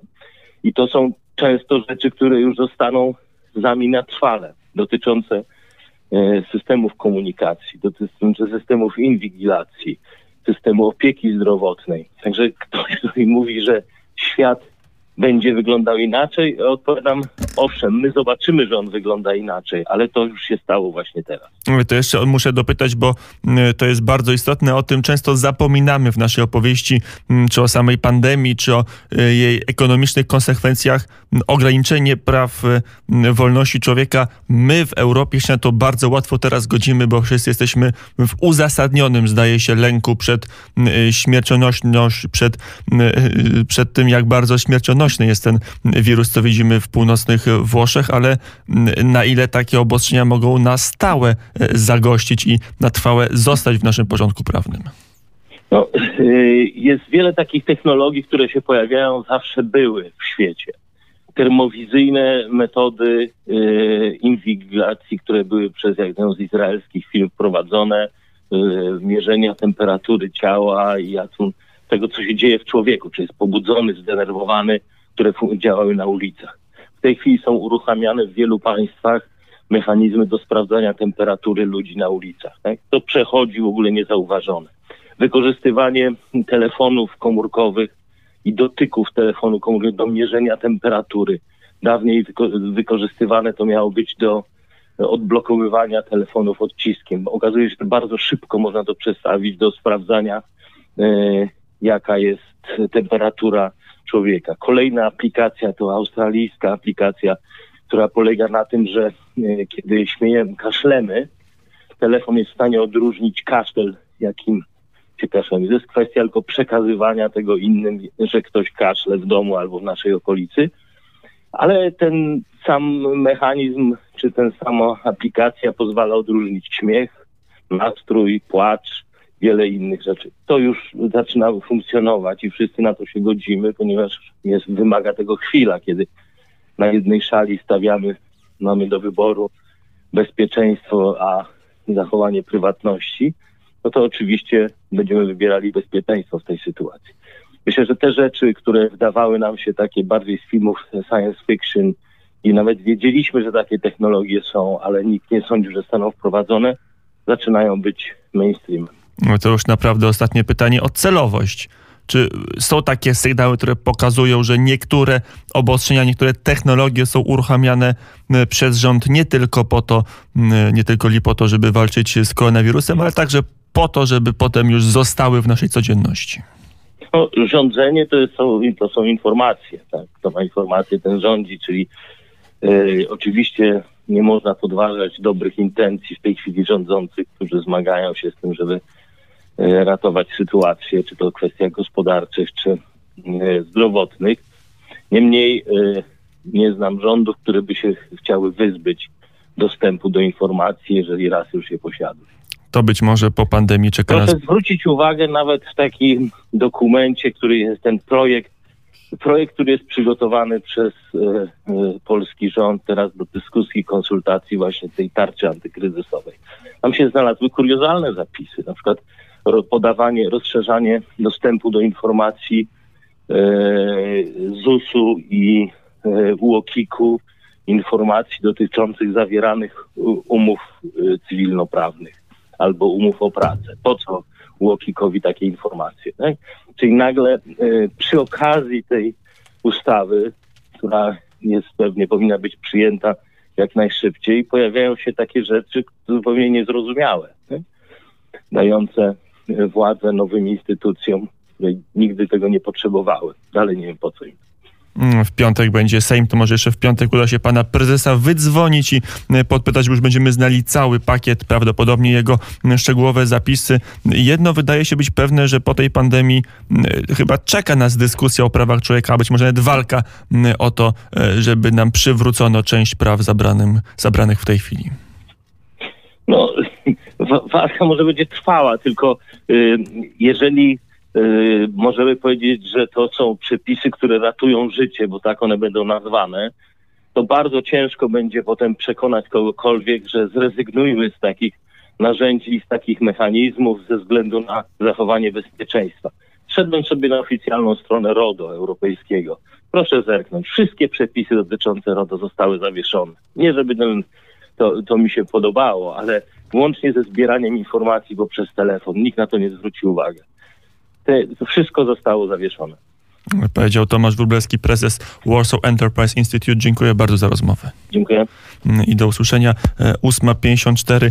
No teraz to żeśmy przegadali e, poranek, e, bo, bo jeszcze przed nami jedna mm, ważna rozmowa, ale chyba już mam nadzieję uda się tą rozmowę przeprowadzić po godzinie 9. Teraz w studio mm, Jan Oleński, który jest DJ-em na tej imprezie. Tak, dzisiaj, dzisiaj, dzisiaj DJ-uję, a skoro moi koledzy i koleżanki redakcyjne powiedzieli, że IMDDB fajna, ale taka troszeczkę spokojna, to teraz y, poru- poruszamy się troszeczkę przy, z większą, utwór z większą werwą, a będzie to Hokus Pokus z utworem Smile.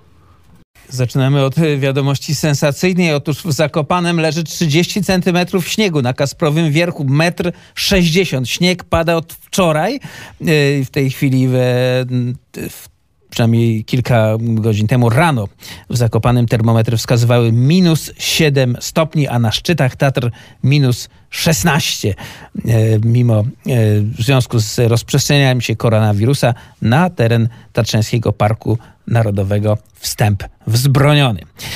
Informacja z Chin. Przez kolejną dobę nie potwierdzono żadnego nowego przypadku lokalnego zarażenia koronawirusem. Wszystkie 39 nowych infekcji wykryto u osób, które przybyły z zagranicy. Tak informuje Państwowa Komisja Zdrowia Chińskiej Republiki Ludowej. Um, Warszawa. Od dzisiaj e, transport publiczny kursuje według sobotnich rozkładów jazdy. Wszyscy, którzy jechali do pracy, mieli, doświadczyli już tego. Połączeń jest mniej, zniknęły przystanki na żądanie. Tam, gdzie były przystanki na żądanie, tramwaje, autobusy zatrzymują się po prostu na, w ramach przypadku stałego. W godzinach szczytu na trasy najważniejszych linii autobusowych i tramwajowych wyjadą dodatkowe e, pojazdy. Zmiany dotyczą również metro które konkursuje jak w sobotę. W Krakowie e, ograniczenia ruchu obowiązują od środy, ale władze miasta dowaliły dzisiaj kolejne ograniczenia. E, Dalej e, drzwi otwierane są przez kierowcę lub motorniczego. W przedniej części autobusów i tramwajów jest wydzielona strefa ochronna dla prowadzących pojazdy. Nie ma możliwości otwierania pierwszych drzwi. E, Prowadzący nie sprzedają biletów. Bilety kupujemy w automatach albo zdalnie. Pracownicy MPK Kraków przed rozpoczęciem pracy mają mierzoną temperaturę. Lista linii oczywiście w internecie. Nie zmieniło się e, liczba osób zarażonych e, koronawirusem. To 294 110 przypadków na całym świecie. 12 944 to przypadki śmiertelne. E, W Polsce 634 osoby i 7 przypadków śmiertelnych. Tylko w niedzielę doszło do 98 kolejnych zakażeń. Lot do domu to jest akcja organizowana przez Polskie Linie Lotnicze i Polskie Państwo. E, Dzisiaj 18 kolejnych rejsów, innymi z Genewy, Nicei, Sztokholmu, Budapesztu. E, Najwięcej Polaków przyleciało do tej pory z Wielkiej Brytanii, Irlandii, Norwegii, Stanów Zjednoczonych i Hiszpanii. Em, do końca tygodnia zaplanowano 40 rejsów, a rzecznik e, lotu mówi, że nie wiadomo jak długo ta akcja potrwa. E, Akcja trwa od 15 marca. Chęć powrotu do kraju zgłosiło ponad 45 tysięcy osób, z których wróciło już, jak mówiliśmy, 25 tysięcy e, w ciągu- w związku z 185 rejsami. Nie wiem, czy Aleksandrze mówiłeś, że e, to już w trakcie poranka padło, ale repetitio mater studiorum est, że mamy 15 nowych przypadków. E, To Poinformowało o tym właśnie przed chwilą Ministerstwo Zdrowia. Oczywiście mniej więcej pół godziny temu i to jest, teraz szybko e, tą informację przekażę. E, 15 nowych e, zakażeń, 8 osób z województwa śląskiego, 3 z województwa małopolskiego, 2 z województwa kujawsko-pomorskiego i po jednej osobie z województwa lubuskiego i świętokrzyskiego. Tu bardzo ważna jest tak zwana krzywa. Chodzi nam o to, by dystansowaniem się, myciem częstym rąk, zachowaniem zasad kwarantanny, siedzeniem tak naprawdę na czterech literach w domu, wypłaszczyć krzywą, po to, by liczba przypadków nie zaczęła rosnąć To jeszcze a lawinowo. propos tej krzywej. m, Obecnie na stan sprzed 25 minut mamy zdiagnozowanych i potwierdzonych 649 zakażeń, m, w tym 7 przypadków śmiertelnych. Umiejętność dodawania bardzo się przydaje również pracy w radiu. E, Wiadomości e, dobre. E, Ruszyła produkcja aparatów Ventil. To są aparaty do respiratorów. E, Aparat Ventil współpracuje z respiratorem i pozwala zastosować jeden respirator dla dwóch osób. Konstrukcja powstała e, przy współpracy Instytutu Biocybernetyki i Inżynierii Biomedycznej Polskiego Akademii Nauk. E, W ciągu pierwszych trzech tygodni powstanie 100 sztuk e, urządzenia. E, Kolejna informacja przyszła do nas z Zielonej Góry. Tam e, trójka osób, Łukasz Więcek, Justyna Więcek i Eliza Zaborowska, opracowali, a właściwie wyprodukowali dla lokalnego szpitala SOR-u i ogólnie Dolnego Śląska e, te przyłbice, w których lekarze zakładają po to, by na nich nie pluto. Te przyłbice są dość drogie, nie ma ich w sklepach, w tej chwili wybyły, no więc e, Państwo mają firmę, która zajmuje się drukowaniem 3D i po prostu takie e, przyłbice wydrukowali. 1200 sztuk w ciągu e, kilku dni ma powstać, co całkowicie zaspokoi potrzeby i sorów w Zielonej Górze i pewnie w miastach okolicznych. Także to są, proszę Państwa, dobre e, wiadomości o rządowym planie ratowania gospodarki. Będziemy mówić dzisiaj cały dzień. Pojawią się szczegóły. Prezydent domaga się, by na trzy miesiące zwolnić z opłat ZUS-owskich małe i średnie firmy, a oraz utrzymać miejsca pracy tak by 40% do pod średniego wynagrodzenia do najniższego wynagrodzenia zapłacić tym pracownikom, którzy stracą dochody związane z świadczeniem pracy. 4, milio, 4 tryliony, 4 biliony dolarów, czyli 4 tysiące miliardów dorzucą Amerykanie do swojej gospodarki. Mówił o tym wczoraj sekretarz stanu Steven Mnuchin. W jeszcze wiadomości ze Stanów Zjednoczonych wśród osób, które mają pozytywny test jest senator Rand Paul, czyli republikański senator, jeden z konkurentów Donalda Trumpa, a Międzynarodowy Komitet Olimpijski rozważa przesunięcie zaplanowanych na ten rok Igrzysk olimpijskich. To jeszcze jedna informacja ze świata. Iran odpowiada Stanom Zjednoczonym na ich propozycję pomocy medycznej i humanitarnej dla tego kraju w ramach toczącej tam bardzo pandemii w bardzo silnym wymiarze, że jeżeli Iran Teheran odpowiada, jeżeli USA chcą pomóc Iranowi w walce z koronawirusem, to niech zawieszą sankcje, niech przestaną nas ekonomicznie atakować. To jest stanowisko prezydenta Iranu Husana Rouhaniego. A jeszcze z ostatniej chwili patrzę, cóż tam się dzieje na świecie. Hongkong zawiesza wszelkie wizyty turystyczne na swoim terytorium. Tak świat walczy z koronawirusem i to jest informacja o Hongkongu, to jest najnowsza e, łamiąca informacja w mediach angielskojęzycznych, czyli breaking news. Liczba osób zarażonych w Polsce, mimo że rośnie, to ciągle jest o rząd wielkości mniejsza w porównaniu do naszych sąsiadów europejskich i pewnie też w najbliższych miesiącach e, czeka nas e, zawieszenie ruchu turystycznego, więc trzeba będzie wakacje spędzać w Polsce. Co wszystkim serdecznie polecamy. Zwłaszcza na Mazurach. E, godzina 9.08. Teraz kończymy przegląd informacji. Nie robimy radio o godzinie 9.13. Przy telefonie profesor Władysław Teofil Bartoszewski, poseł PSL-u. Dzień dobry. Witam Państwa. I to jest głos prosto z kwarantanny. Tak jest. Jestem w drugim tygodniu kwarantanny po przekroczeniu granicy po wyznaczonym terminie północy zeszłej soboty. Wracał pan z Wielkiej Brytanii razem z rodziną. Jak sytuacja wygląda na wyspach? Jak wyglądała te kilkanaście dni temu? No wtedy wszystko było bardzo spokojnie, dlatego że oni nie docenili jeszcze rozwoju wydarzeń, nie przewidzieli rozwoju wydarzeń. W związku z tym wtedy na przykład szkoły jeszcze były otwarte i w, oczywiście bary, restauracje i wszystko inne, teatry i kina, natomiast e, ponieważ ja musiałem przywieźć córkę z, z wiedziałem, że muszę przywieźć ją dwa tygodnie później, najpóźniej ze szkoły, to uznałem, że w związku z tym, że nasza granica była zamykana, że należy to przyspieszyć. I bardzo słusznie, bo teraz tam panują, wychodzi na to, że teraz tam będzie wszystko, wszystko, wszystkie instytucje będą zamknięte i ludzie będą siedzieli w domach. Jest mowa o tym, że około półtora miliona ludzi, takich tych najbardziej zagrożonych, nie będzie w ogóle mogła wychodzić z domów i będzie do, dowożone jedzenie i lekarstwa. Więc e, tam się bardzo.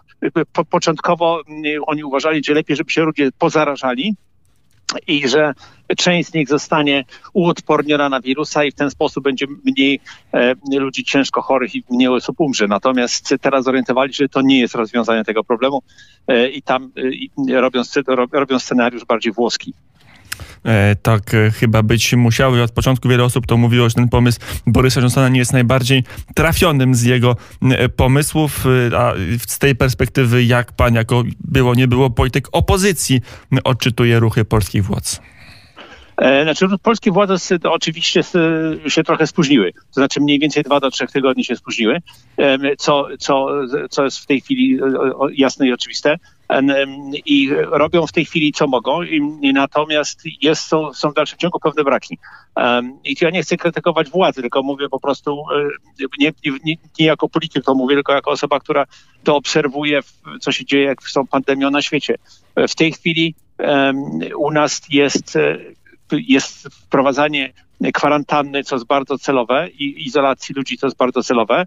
Natomiast nie ma kroku następnego, który robiła Korea Południowa, Tajwan, Singapur i tak dalej. To znaczy y, testowanie ludzi, nie którzy są, którzy mają 40 stopni gorączki i powinni być w izolatce, tylko ludzi, którzy są e, potencjalnie podejrzani o to, że mogą mieć wirusa. E, I śledzenie e, tego łańcuszka kontaktów ludzi, którzy są podejrzani.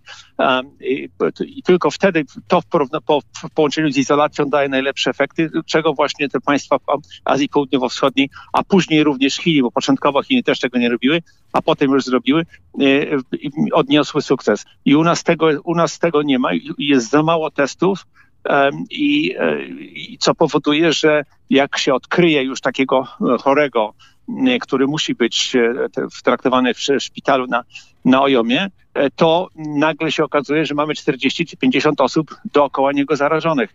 I, i, i, tu, i, tu, I to trzeba usprawnić. Mm. Jeśli chodzi o, jeśli chodzi o nasz, naszą opiekę zdrowotną, to lekarze, pielęgniarki, i cały personel medyczny e, robi fantastyczne rzeczy. I tutaj nie ma dwóch zdań, tylko im trzeba pomóc, między innymi e, poprzez przywożenie odpowiedniego sprzętu, odpowiedni, nie mamy za mało respiratorów. Dzięki Bogu jeszcze jest tak mało zachorowań w Polsce, ale jak się te zacho- zachorowania e, pomnożą, tak jak w innych krajach, to się okaże, że nie ma respiratorów wystarczająco i trzeba będzie stosować praktykę włoską, to znaczy na zasadzie lekarz decyduje, czy ta osoba ma szansę przeżyć, czy nie, jak ma mniejsze szanse, to, to trudno, to już ją zostawiamy, a pomagamy tej osobie, dla której ten respirator będzie e, bardziej pomocny. To, to już są takie brutalne rozwiązania, e, e, bardzo trudne też etycznie i, i, i należy temu się przeciwstawiać właśnie tak, jak zrobili to Czesi, sprowadzając e, te- te 100 ton sprzętu,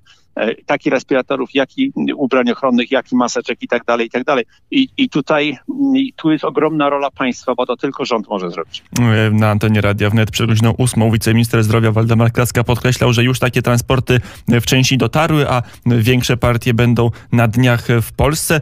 Wszystko można opisywać z różnej perspektywy.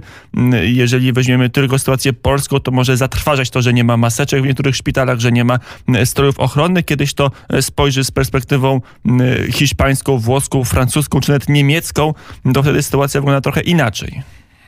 E, To nie jest to polski przypadek tylko i wyłącznie. Nie, to, to nie. Ja tutaj, to jest przy- przypadek wszystkich, e, wszystkich państw e, europejskich tak naprawdę, bo państwa azjatyckie były dużo lepiej przygotowane, dlatego że one przechodziły już e, przez poprzednie epidemie i pandemie.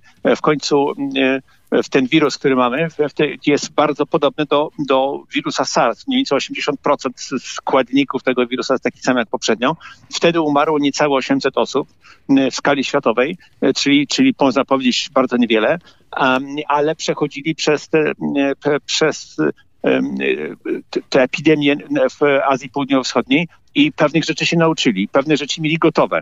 Dlatego ta epidemia w Korei Południowej, na Tajwanie czy w Singapurze i, i została opanowana natychmiast. I w Chinach nie, bo tam e, popełnili też pewne błędy na początku, ale potem się zorientowali i to poprawili.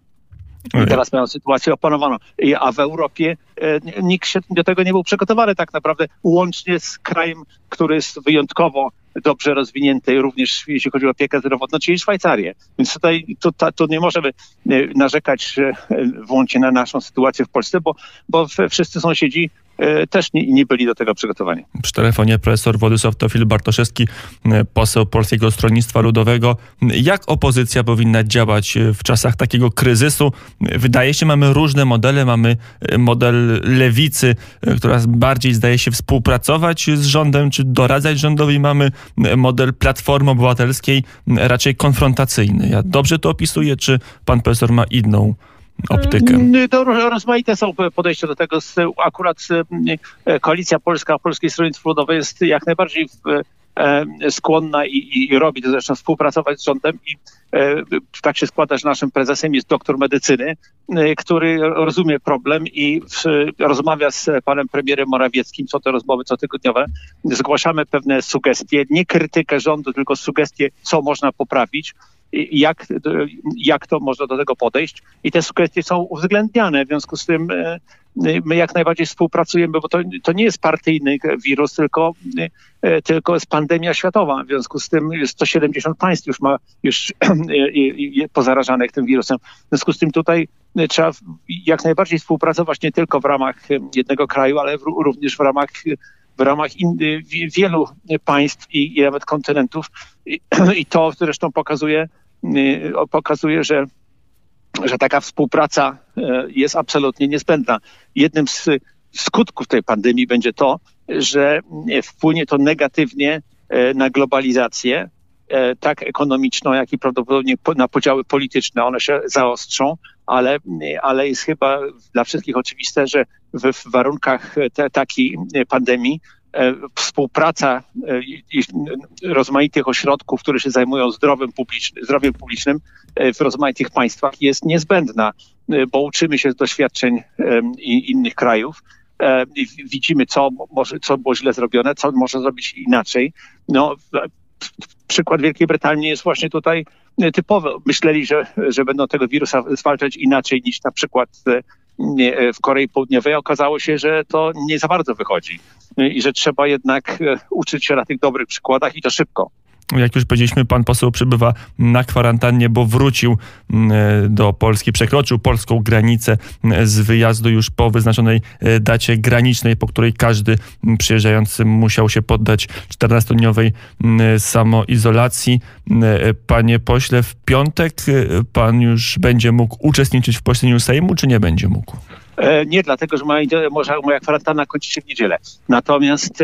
Wszystko... I nie jest pan jedynym posłem, który ma albo, bo mam jeden przypadek zakażenia posła, to jest Edward Siarka z Prawa i Sprawiedliwości, no a kilku innych jest na kwarantannie również. No pan minister Boś też zdaje się jak zakażony. Tak. No ale to, ale, ale tutaj prezydium Sejmu podejmuje pewne kroki e, i, i, zdaje się, że będziemy mieli bardzo nietypową sytuację. To jutro, jutro powinno, powinno być zebranie prezydium Sejmu i z tego co słyszę będzie rozwiązanie tego problemu dość innowacyjne. W związku z tym, w związku z tym e, wygląda na to, że będę mógł uczestniczyć w, w głosowaniu. Ale osobiście czy mailowo, jak to będzie wyglądać? E, no to będzie w, to nie będzie, to nie będzie osobiście, bo, bo to jednak jest zbyt, e, zbyt niebezpieczne, e, żeby dużą, bo nie wiadomo jeszcze, problem polega z tym wirusem na tym, że e, część ludzi nie, nie, nie pokazuje symptomów zarażenia, a w, i w tym początkowym okresie jest w stanie zarażać inne osoby, w sytuacji, kiedy nie wygląda na to, że oni sami są chorzy.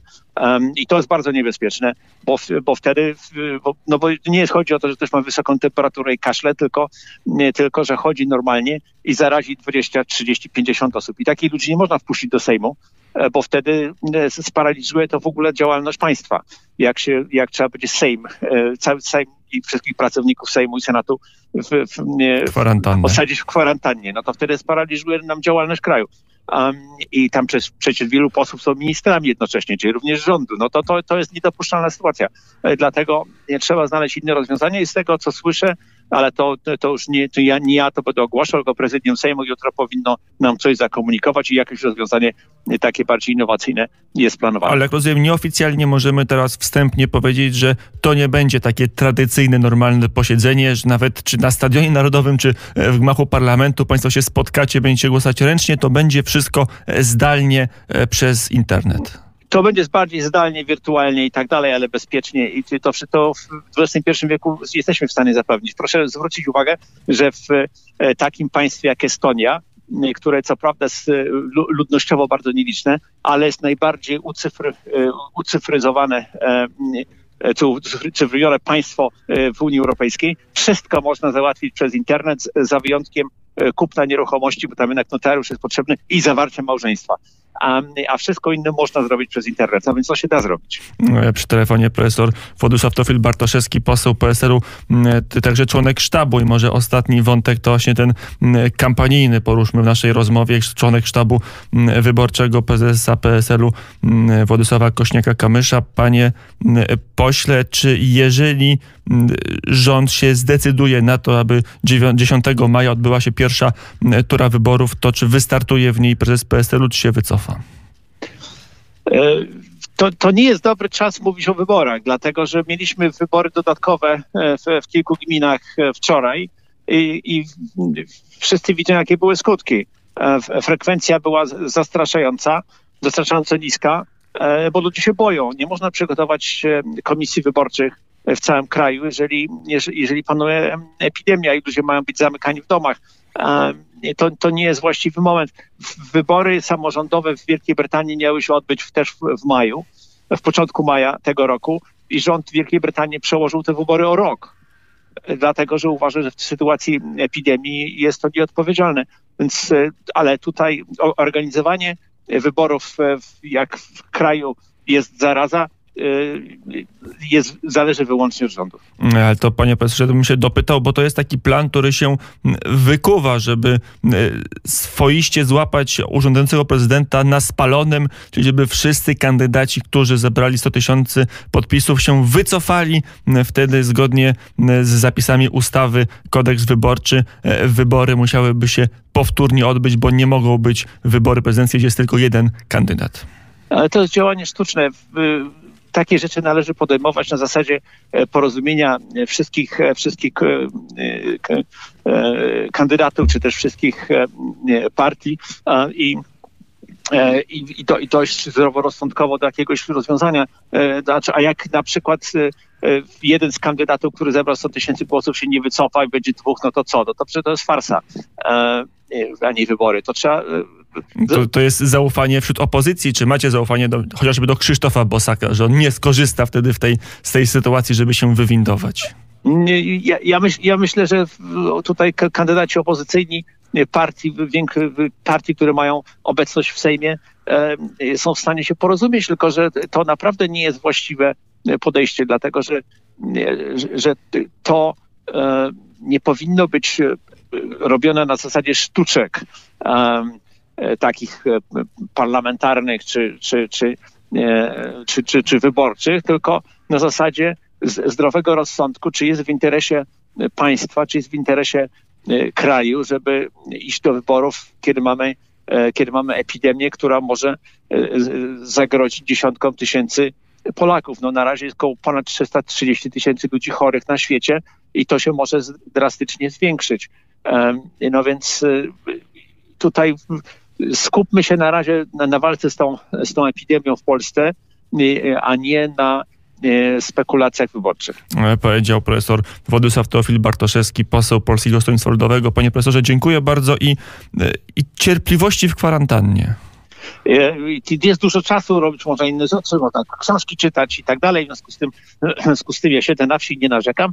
E, dzięki Bogu czuję się dobrze, w związku z tym tutaj nie ma problemu. Czego i wszystkim Państwu życzę. Zdrowia przede wszystkim. Dziękujemy bardzo. Profesor Teofil Bartoszewski był, Władysław Teofil Bartoszewski był gościem poranka wnet. Mamy godzinę 9.28 na zegarach. To teraz odrobina muzyki. Jest godzina 9, minut 32. Słuchają Państwo Radia Wnet w Warszawie i w Krakowie na falach FM oraz w internecie na www.wnet.fm. Dwie informacje. Po pierwsze, mimo nie najłatwiejszych czasów cały czas prowadzimy zbiórkę na projekt Poznajcie JP2 w setną rocznicę urodzin świętego Jana Pawła II. Wszystkie niezbędne informacje na www.wspieram.com to ukośnik JP2 mm, są warto, bo warto nawet w czasach nadzwyczajnych, a może zwłaszcza warto w czasach nadzwyczajnych pamiętać o nadzwyczajnych ludziach i starać się, aby mm, całe dziedzictwo świętego Jana Pawła II nie zacierało się powoli w pamięci ludzkiej, tylko żeby trwało żywe. Gorąco Państwa proszę o to www.wspieram.to ukośnik JP2. Tam są wszystkie, wszystkie potrzebne możliwości, abyśmy mogli zrealizować cykl audycji o Janie Pawle II, mojego myśli, o jego teologii, o jego dokonaniach i duszpasterskich, i filozoficznych. Również druga informacja to jest oczywiście telefon Radia Wnet, skrzynka głosowa uruchomiona w zasadzie w celu komunikacji państwa z radiem w czasach pandemii. To jest 507 247 289. Powtarzam, 507 247 289 jak to zapamiętać, to jeszcze nie wymyśliłem, ale e, zaraz jakoś Państwu wymyślę, żeby każdą z tych trzech cyfr jakoś sobie skojarzyć, najlepiej z datą historyczną. No dobrze, no to zaraz będę Państwu e, tłumaczył, ale zanim będę tłumaczył, jak zapamiętać numer do nas, to przywitam gościa przy telefonie Jakub Wiech, e, zastępca redaktora naczelnego portalu Energetyka24. Dzień dobry. Dzień dobry. I tu, uwaga, nie zaczniemy od koronawirusa, no nie od pandemii, tylko od energetyki, w zasadzie niezwiązanej z y, tą że, y, rzeczoną pandemią. Niemcy otwierają elektrownię na węgiel, tak po cichu, myśląc, że, my, że nie zauważymy. Tak jest. Myślę, że nie założymy, ale po wykresach e, dotyczących zużycia energii w niemieckiej energetyce widać, że trwają już e, rozruchy testowe elektrowni Datteln 4. To jest ta jednostka, która była budowana przez ponad dekadę i o jej podłączeniu do sieci zadecydowało niedawno niemieckie Ministerstwo Gospodarki. Stało się to praktycznie równolegle z wyłączeniem elektrowni jądrowej w Philipsburgu, no co rodzi taki dosyć smutny obraz niemieckiej Energiewende, czyli transformacji energetycznej polegającej na tym, że Niemcy wyłączają czysty, bezemisyjny atom, w jego miejsce wchodzi, e, wchodzi węgiel, to są jednostki mniej więcej podobnych mocach, trochę innej sprawności, ale z mocy zainstalowanej podobnej.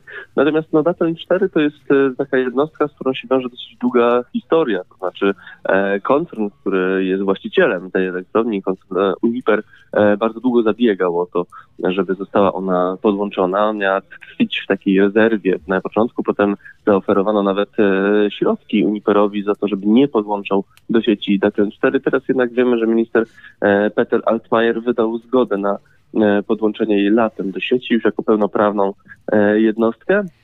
I w tym momencie właśnie trwają rozruchy testowe, czyli ten 4 e, wchodzi przez pewien czas do sieci, generuje energię. I to jest taka, przepraszam, jest przerwę, ale to jest taka normalna, zwyczajna elektrownia, czy jakaś przyzakładowa, jakaś mniejsza, jakaś przejściowa? Cóż to jest za stwór?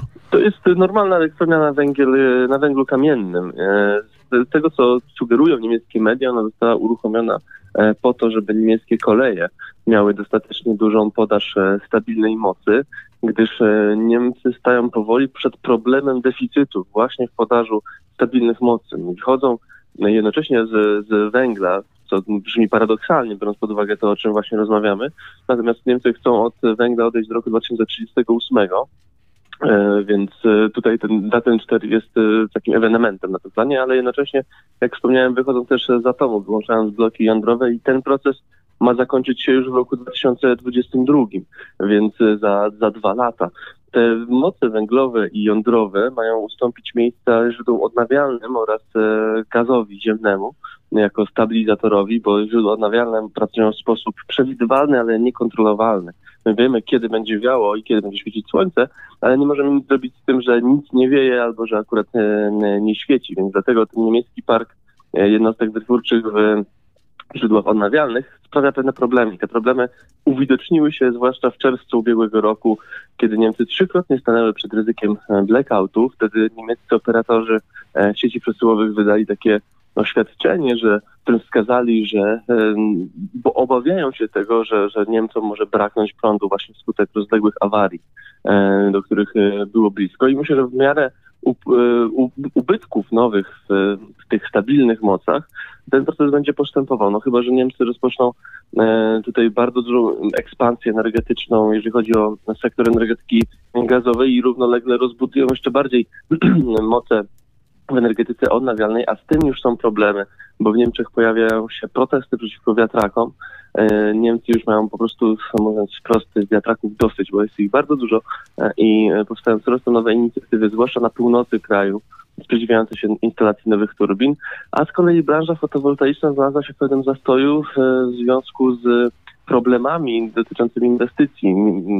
Niemieccy instalatorzy paneli chcą jeszcze większy, większych mechanizmów wsparcia. O tym mówiła w zeszłym tygodniu e, niemiecka minister środowiska Senia Schulze, która stwierdziła, że po, po posiedzeniu rządu, e, takim rządu federalnego oraz e, przedstawicieli rządów landowych, że ta minister powiedziała, że bardzo rozumie to, że w tym momencie całość posiedzenia zdominowały sprawy związane z koronawirusem i jego pandemią, no ale trzeba też ratować niemiecką energetykę odnawialną. Bo bez tego Niemcy nie tylko stracą pracę, ale być może nawet stracą płynność energetyczną. Mm, Były plany, żeby całkowicie przejść na OZE. Takie plany mm, zgłaszała Partia Zielonych, żeby i węgiel, mm, i atom wyłączyć, a w przyszłości także gaz wyłączyć. Czy teraz jakoś pandemia wpływa na dyskusję ekspercką o energetyce? Ona się toczy gdzieś w cieniu walki z koronawirusem, czy, czy w ogóle zamarła? Oczywiście, można powiedzieć, że nawet nabrała e, lekkich e, rumieńców ta dyskusja w związku z pewnymi propozycjami, które już pojawiły się w, w jej obiegu.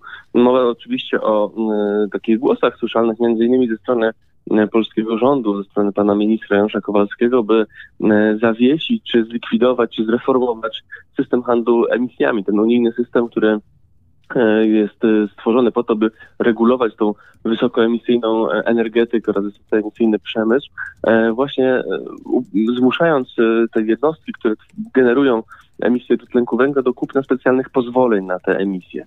E, Więc w tym momencie, biorąc pod uwagę to, że pandemia koronawirusa e, będzie nie- niewątpliwym uderzeniem dla e, unijnej gospodarki, e, zaproponowano, pan minister Kowalski zaproponował, żeby e, może zacząć e, zastanawiać się nad zawieszeniem tego handlu emisjami, który dokłada koszty dla producentów energii, ale e, nie tylko. Ten pomysł e, został już e, omówiony w, w ramach właśnie debaty e, eksperckiej w zakresie energetyki. To zgłoszono e, między innymi takie głosy, że jednak Unia Europejska nie zgodzi się na to, żeby e, zlikwidować czy zawiesić ten mechanizm, który jest e, jednym z fundamentów jej e, nowej strategii integracji. To znaczy e, dla Unii Europejskiej Zielony Ład, kwestie związane z klimatem, ze środowiskiem stanowią w tym momencie jeden z motorów, e, czy może nawet główny motor e, integracji e, między, między państwami. I w tym momencie zwrotka z tej polityki, która pozbawi ją jednej z, e, jednego z bardzo ważnych instrumentów, no nie będzie mile widziana przez Brukselę, która stara się dalej forsować swoje pomysły, jeżeli chodzi o e, Green New Deal. E, Więc myślę, że tutaj w, e, w miarę trwania dalej tej, tej epidemii będziemy słyszeć coraz więcej takich głosów ze strony państw, nie tylko w, z, takich jak Polska, ale różnie, myślę, że e, takie głosy mogą się pojawić paradoksalnie nawet w Niemczech, czyli w, w niekwestionowanym liderze tego myślenia o transformacjach energetycznych. No ale to jest kwestia związana z, naszymi, z, naszą, z naszą gospodarką i z tym, jak ona zareaguje na tę sytuację. Z takich z kolei rzeczy położonych na drugim biegunie, jeżeli chodzi o, o wyniki, no tutaj możemy powiedzieć, że koronawirus na pewno obniży drastycznie emisję, emisję dwutlenku węgla. Myślę, że to będzie porównywalne ze spadkiem, którego doświadczyliśmy w roku 2009 w związku z kryzysem globalnym, a to był największy spadek emisji i praktycznie jedyny do tej pory od e, prawie czterech dekad. E, To jeszcze na koniec naszej rozmowy element ściśle związany z koronawirusem i wpływu e, pandemii na rynek paliw kopalnych. Tekst, który można na m, pańskim portalu przeczytać o m, cenach e, ropy. E, m, Eksperci, analitycy mówią nawet o cenie 5 dolarów za baryłkę, a zdaje się, że analitycy z Goldman Sachsa sobie wyliczyli, że będą ceny ujemne, cokolwiek to znaczy. Tak, to znaczy to te scenariusze są cały czas na stole w związku z tym, jak się, jak się rozwija epidemia koronawirusa. E, Ta, ta, ta pandemia e, miała to do siebie, że no, jej początek e, miał miejsce w Chinach, czyli kraju, który jest jednym najbardziej newralgicznych punktów na mapie energetycznej świata. Chiny są największym rynkiem węglowym, największym rynkiem naftowym, więc w tym momencie, jeżeli chodzi o konsumpcję, więc w tym momencie to, co się stało w Chinach i to zaburzenie chińskiego przemysłu odbiło się czkawką całej światowej gospodarce. To te ceny ropy, które tym momencie są jednym z głównych tematów w zakresie energetyki, spadające ceny ropy, oscylujące już po, poniżej 30 dolarów za e, baryłkę, są świadectwem tego, że e, po pierwsze mamy e, zmniejszone zapotrzebowanie na ten produkt w związku z wyhamowaniem dużej części przemysłu. Po drugie mamy cały czas trwającą wojnę naftową między Arabią Saudyjską a Rosją, rozpętaną właśnie na kanwie sporu o reakcję na koronawirusa i ustabilizowanie tych cen rynkowych. Więc e, nie- nic dziwnego, że niektórzy analitycy wieszczą, iż jeżeli to potrwa ta sytuacja jeszcze trochę dłużej, to możemy mieć miejsce z e, cenami na poziomie 5 dolarów za baryłkę. To są mniej więcej ceny, e, które znane są z czasów e, przed kryzysem naftowym w 1973 roku w przeliczeniu na, na wartość nabyszczą e, pieniądza. No więc e, to dosyć dobrze wskazuje, jak tania może być, e, może być ropa. E, natomiast to, czy ceny będą ujemne, no to zależy, to jest, dosyć specyficzna sytuacja. Ale co to znaczy ceny ujemne? Znaczy, że może nie to, że jak ja pojadę na stację benzynową i zatankuję, to mi stacja zapłaci stówę na przykład za 20 litrów paliwa, ale, ale co, Orlen będzie kupował paliwo na rynku i dostawał za to pieniądze, że kupuje? Nie, nie bardzo rozumiem, o co chodzi E, analitykom Goldman Sachs. To jest dosyć specyficzna sytuacja na rynkach energetycznych, e, która pojawia się wtedy, kiedy danego towaru czy danej energii jest zbyt dużo. My to znamy z rynku elektroenergetycznego, gdzie w Niemczech pojawiają się ceny e, ujemne prądu. Wynika to z tego, że wskutek nadpodaży energii elektrycznej ze źródeł odnawialnych Niemcy dopłacają do tego, by ktoś tę energię e, pobierał, by ktoś tę energię konsumował. W tym momencie może być podobnie, to znaczy jeżeli u niektórych producentów pojawi się zbyt duży wolumen ropy, który e, będzie wydobyty, a który e, będzie, e, nie, będzie mógł być składowany w związku z przepełnieniem magazynów, to być może ktoś będzie dopłacał e, do tego, żeby e, tę ropę pobierać i, i przetwarzać, e, żeby po prostu utrzymać ciągłość e, produkcji, utrzymać ciągłość e, też e, magazynowania. Natomiast to jest bardzo ekstremalny scenariusz, e, zakreślony jako ten mało prawdopodobny, e, w związku z sytuacją, że ta, ta ropa też e, powoli się stabilizuje i myślę, że być może odbije, jeżeli sytuacja, zwłaszcza w Chinach, e, trochę się poprawi. W Chinach już e, te doniesienia o koronawirusie są coraz bardziej optymistyczne. Tam przez pewien czas przestało przybywać e, rdzennych mieszkańców e, zakażonych. E, Więc myślę, że tam te- ten, ten rynek państwa środka jest kluczowy dla tej sytuacji. Natomiast no, te ceny ropy i tak zan- zanotowały już spektakularne spadki, więc nie można też wykluczyć takiej nawet bardzo skrajnej, bardzo radykalnej drogi, jaką potoczą się te wypadki. Mm, Powiedział Jakub Wiech, zastępca redaktora naczelnego portalu Energetyka24. Dziękuję bardzo, panie redaktorze, za rozmowę. Dziękuję również. Mm, I do usłyszenia. Może kiedyś umówimy się na rozmowę o grach planszowych. Y, Taki poradnik, jak przetrwać y, kwarantannę społeczną. Może cykl audycji. No to trzeba to przemyśleć. No dobrze, tymczasem mówimy do usłyszenia. Do studia zawitał Jan Oleński, a to zwiastuje nie tylko muzykę, ale także rozmowę, ale to po piosence. Najpierw prosimy o utwór. Tak, awansowałem. Już nie jestem tylko DJ-em, ale jeszcze, jeszcze porozmawiam, także za chwilkę będzie, połączymy się z Oslo, a tymczasem zaśpiewa nam Żanet. Jeżeli ktoś oglądał pierwszy sezon Narcos, to kojarzy i zaśpiewa Porkety Was. Wraz z dżinglem przygrywał Łukasz Jankowski, ale skończył w porę. E, Przy telefonie Małgorzata Jończyk-Adamska, mieszkanka Oslo. Dzień dobry pani. Dzień dobry. E, Zacznijmy może od tego, jak dotąd Norwegia mierzy się z pandemią koronawirusa. E, Jak wygląda życie w tym momencie w Oslo, w Norwegii? Mhm. No, y, y, powiedziałabym, że to życie wygląda bardzo podobnie jak w Polsce. Y, Ja pracuję w przedszkolu i jestem też mamą dziecka w wieku szkolnym i przedszkolnym.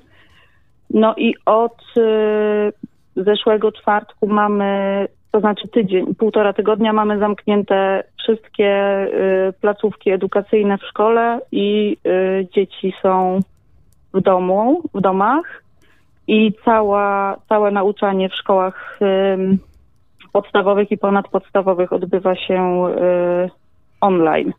No poza tym widać i słychać, że y, większość ludzi pracuje, y, tych, którzy oczywiście mogą, którzy mają pracę biurową, pracują z domu. No właśnie, ale skoro pani jest pracowniczką przedszkola, to wie, jakie rozwiązanie zostało zastosowane, żeby mm, ten czas, który nie może pani przychodzić pr- e, do pracy, pani zrekompensować? Czy pani ma jakąś możliwość e, pracowania? No, nauczanie na odległość dzieci w wieku przedszkolnym pewnie jest e, raczej trudne i chyba nie- niestosowane. Mhm.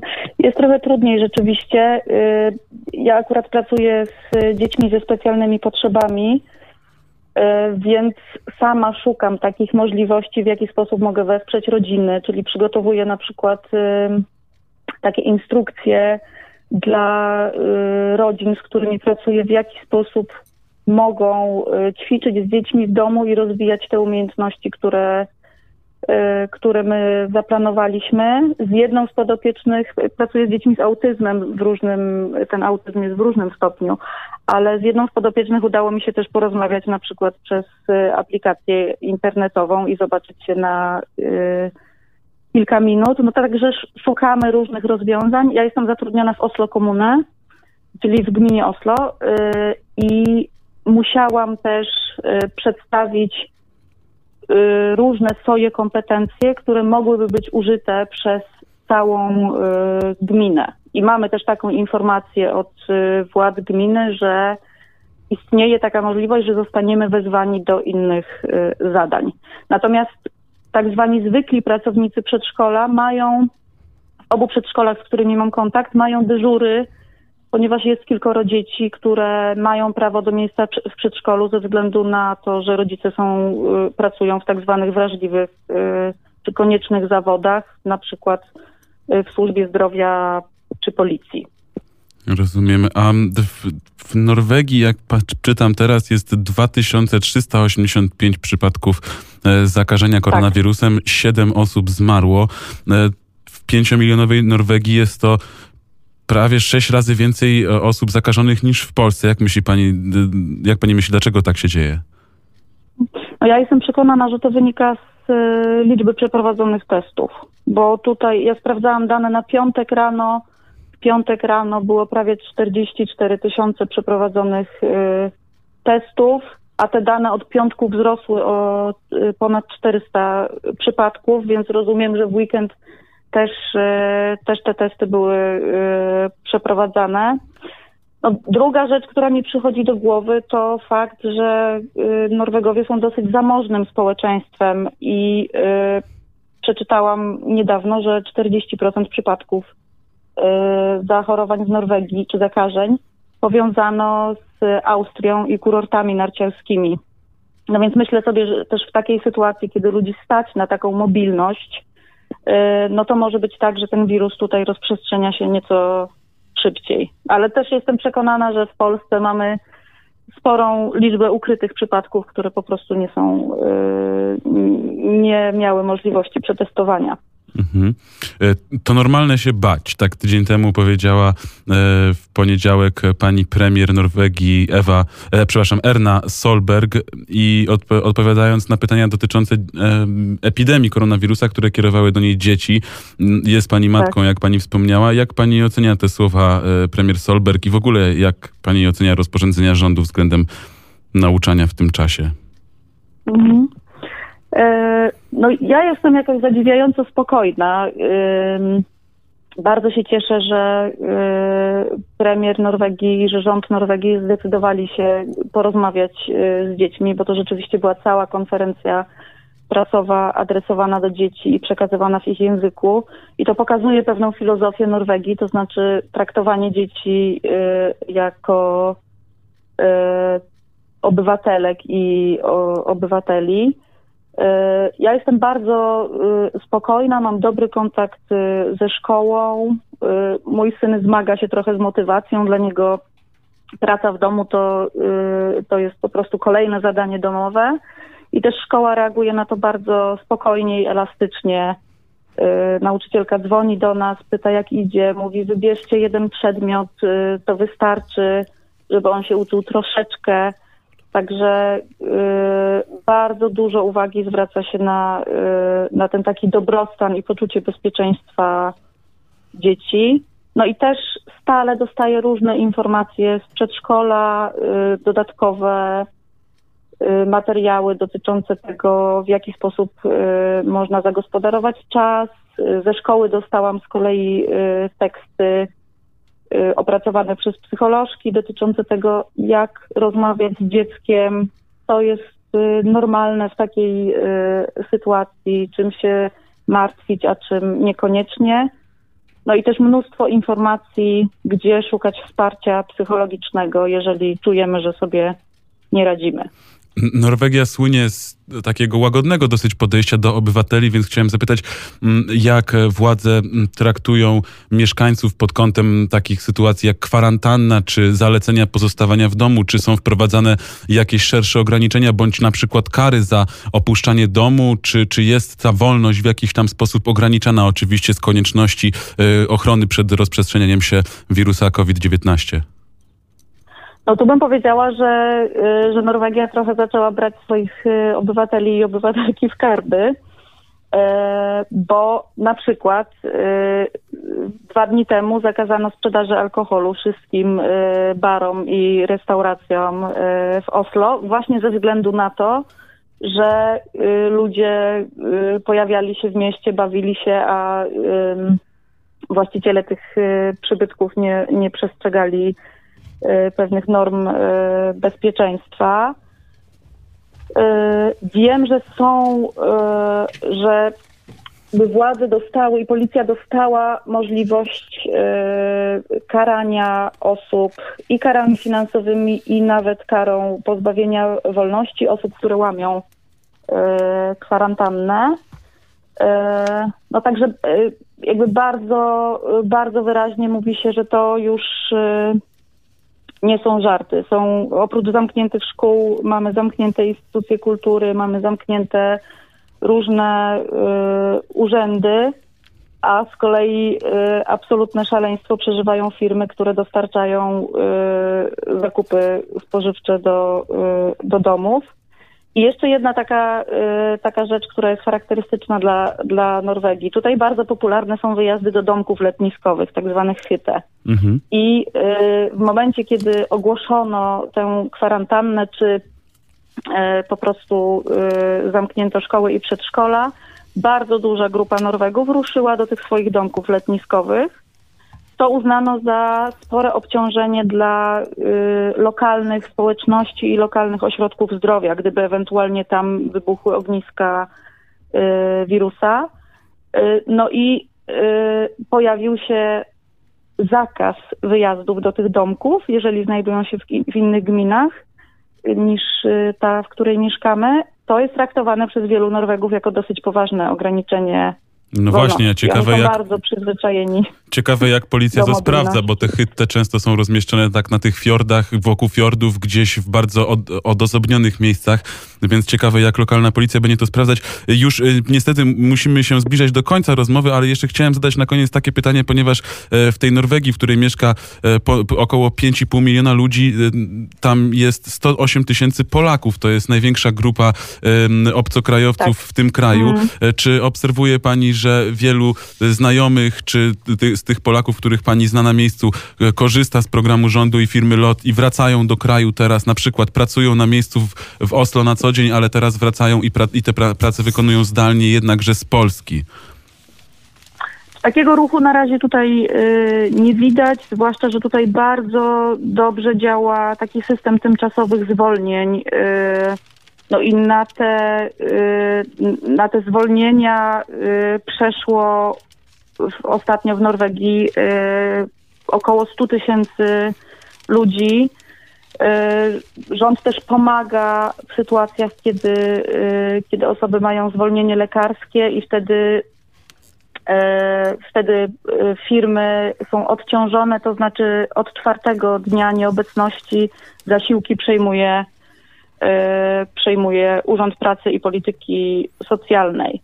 Także myślę, że wielu Polaków na razie czeka tutaj, tutaj w domach, natomiast to bardzo często są takie trudne warunki, tak? Małe przestrzenie, Mhm. zwłaszcza w takich sytuacjach, kiedy to są na przykład mężczyźni, którzy pracują w y, branży budowlanej. To je- zobaczymy, jak to się rozwinie. No właśnie, to jeszcze teraz w drugą stronę, bo e, czy Norwegowie obawiają się wakacji, bo wielu Polaków, czy e, Litwinów, czy Ukraińców przyjeżdża do Norwegii, żeby e, tam odnawiać, restaurować stodoły, malo, malując je lub e, zbierać truskawki. E, Jak to może wyglądać w tym roku, kiedy ta cała siła robocza, która przyjeżdża tam na wakacje, nie pojawi się? Czy Norwegowie już martwią się o ten okres, czy na razie to jest jeszcze zbyt daleko? Ja myślę, że to jest zbyt daleko. Na razie y, wiele osób jest y, zainteresowanych tym, żeby spędzić Wielkanoc w swojej chyte i o tym można, y, czyli w swojej chatce i o tym można czytać. Natomiast to jest taka perspektywa jeszcze zbyt odległa, zwłaszcza, że proszę pamiętać, że u nas jeszcze nie ma decyzji o przedłużeniu tego dwutygodniowego okresu zamknięcia szkół i przedszkoli. Ja nie sądzę, żebyśmy za tydzień wrócili do tych placówek, no ale y, nadal czekamy na to, y, czy ten, czy to zamknięcie i zablokowanie wszystkiego będzie przedłużone. Prawdopodobnie może się nie udać, bo rzeczywiście koronawirus szaleje w najlepsze i, e, i, i, i, tak się, i tak się może zdarzyć, że będziemy jeszcze skazani na to odosobnienie na jakiś czas. Moim i Państwa gościem była pani Małgorzata Jończy-Adamska, mieszkanka Oslo. Bardzo dziękuję. Dziękuję bardzo. A Rozmawiał Jan Olencki, to była ostatnia rozmowa w poranku wnet. Mamy trzy minuty po godzinie 10. Ja Państwu bardzo dziękuję za mm, obecność przy radioodbiornikach. Dziękuję także Dariuszowi Konkolowi za realizację, Janowi Olenckiemu za mm, wydawanie i współprowadzenie. I jeszcze coś chcę powiedzieć, Jan Olencki. Tak, że już za moment y, wiadomości leciutko spóźnione przy mikrofonie zasiądzie Adrian Kowarzyk i Józef Skowroński. Mm, A jeżeli informacje, to ja zacznę informację. Costa Coffee zamyka się od dzisiaj w Wielkiej Brytanii. A więcej informacji już za chwilę. Wojciech Cejrowski i Krzysztof Skowroński rozmawiają o Ameryce i Polsce w studiu Dziki Zachód. W każdy poniedziałek o godzinie 18 na antenie Radia Wnet.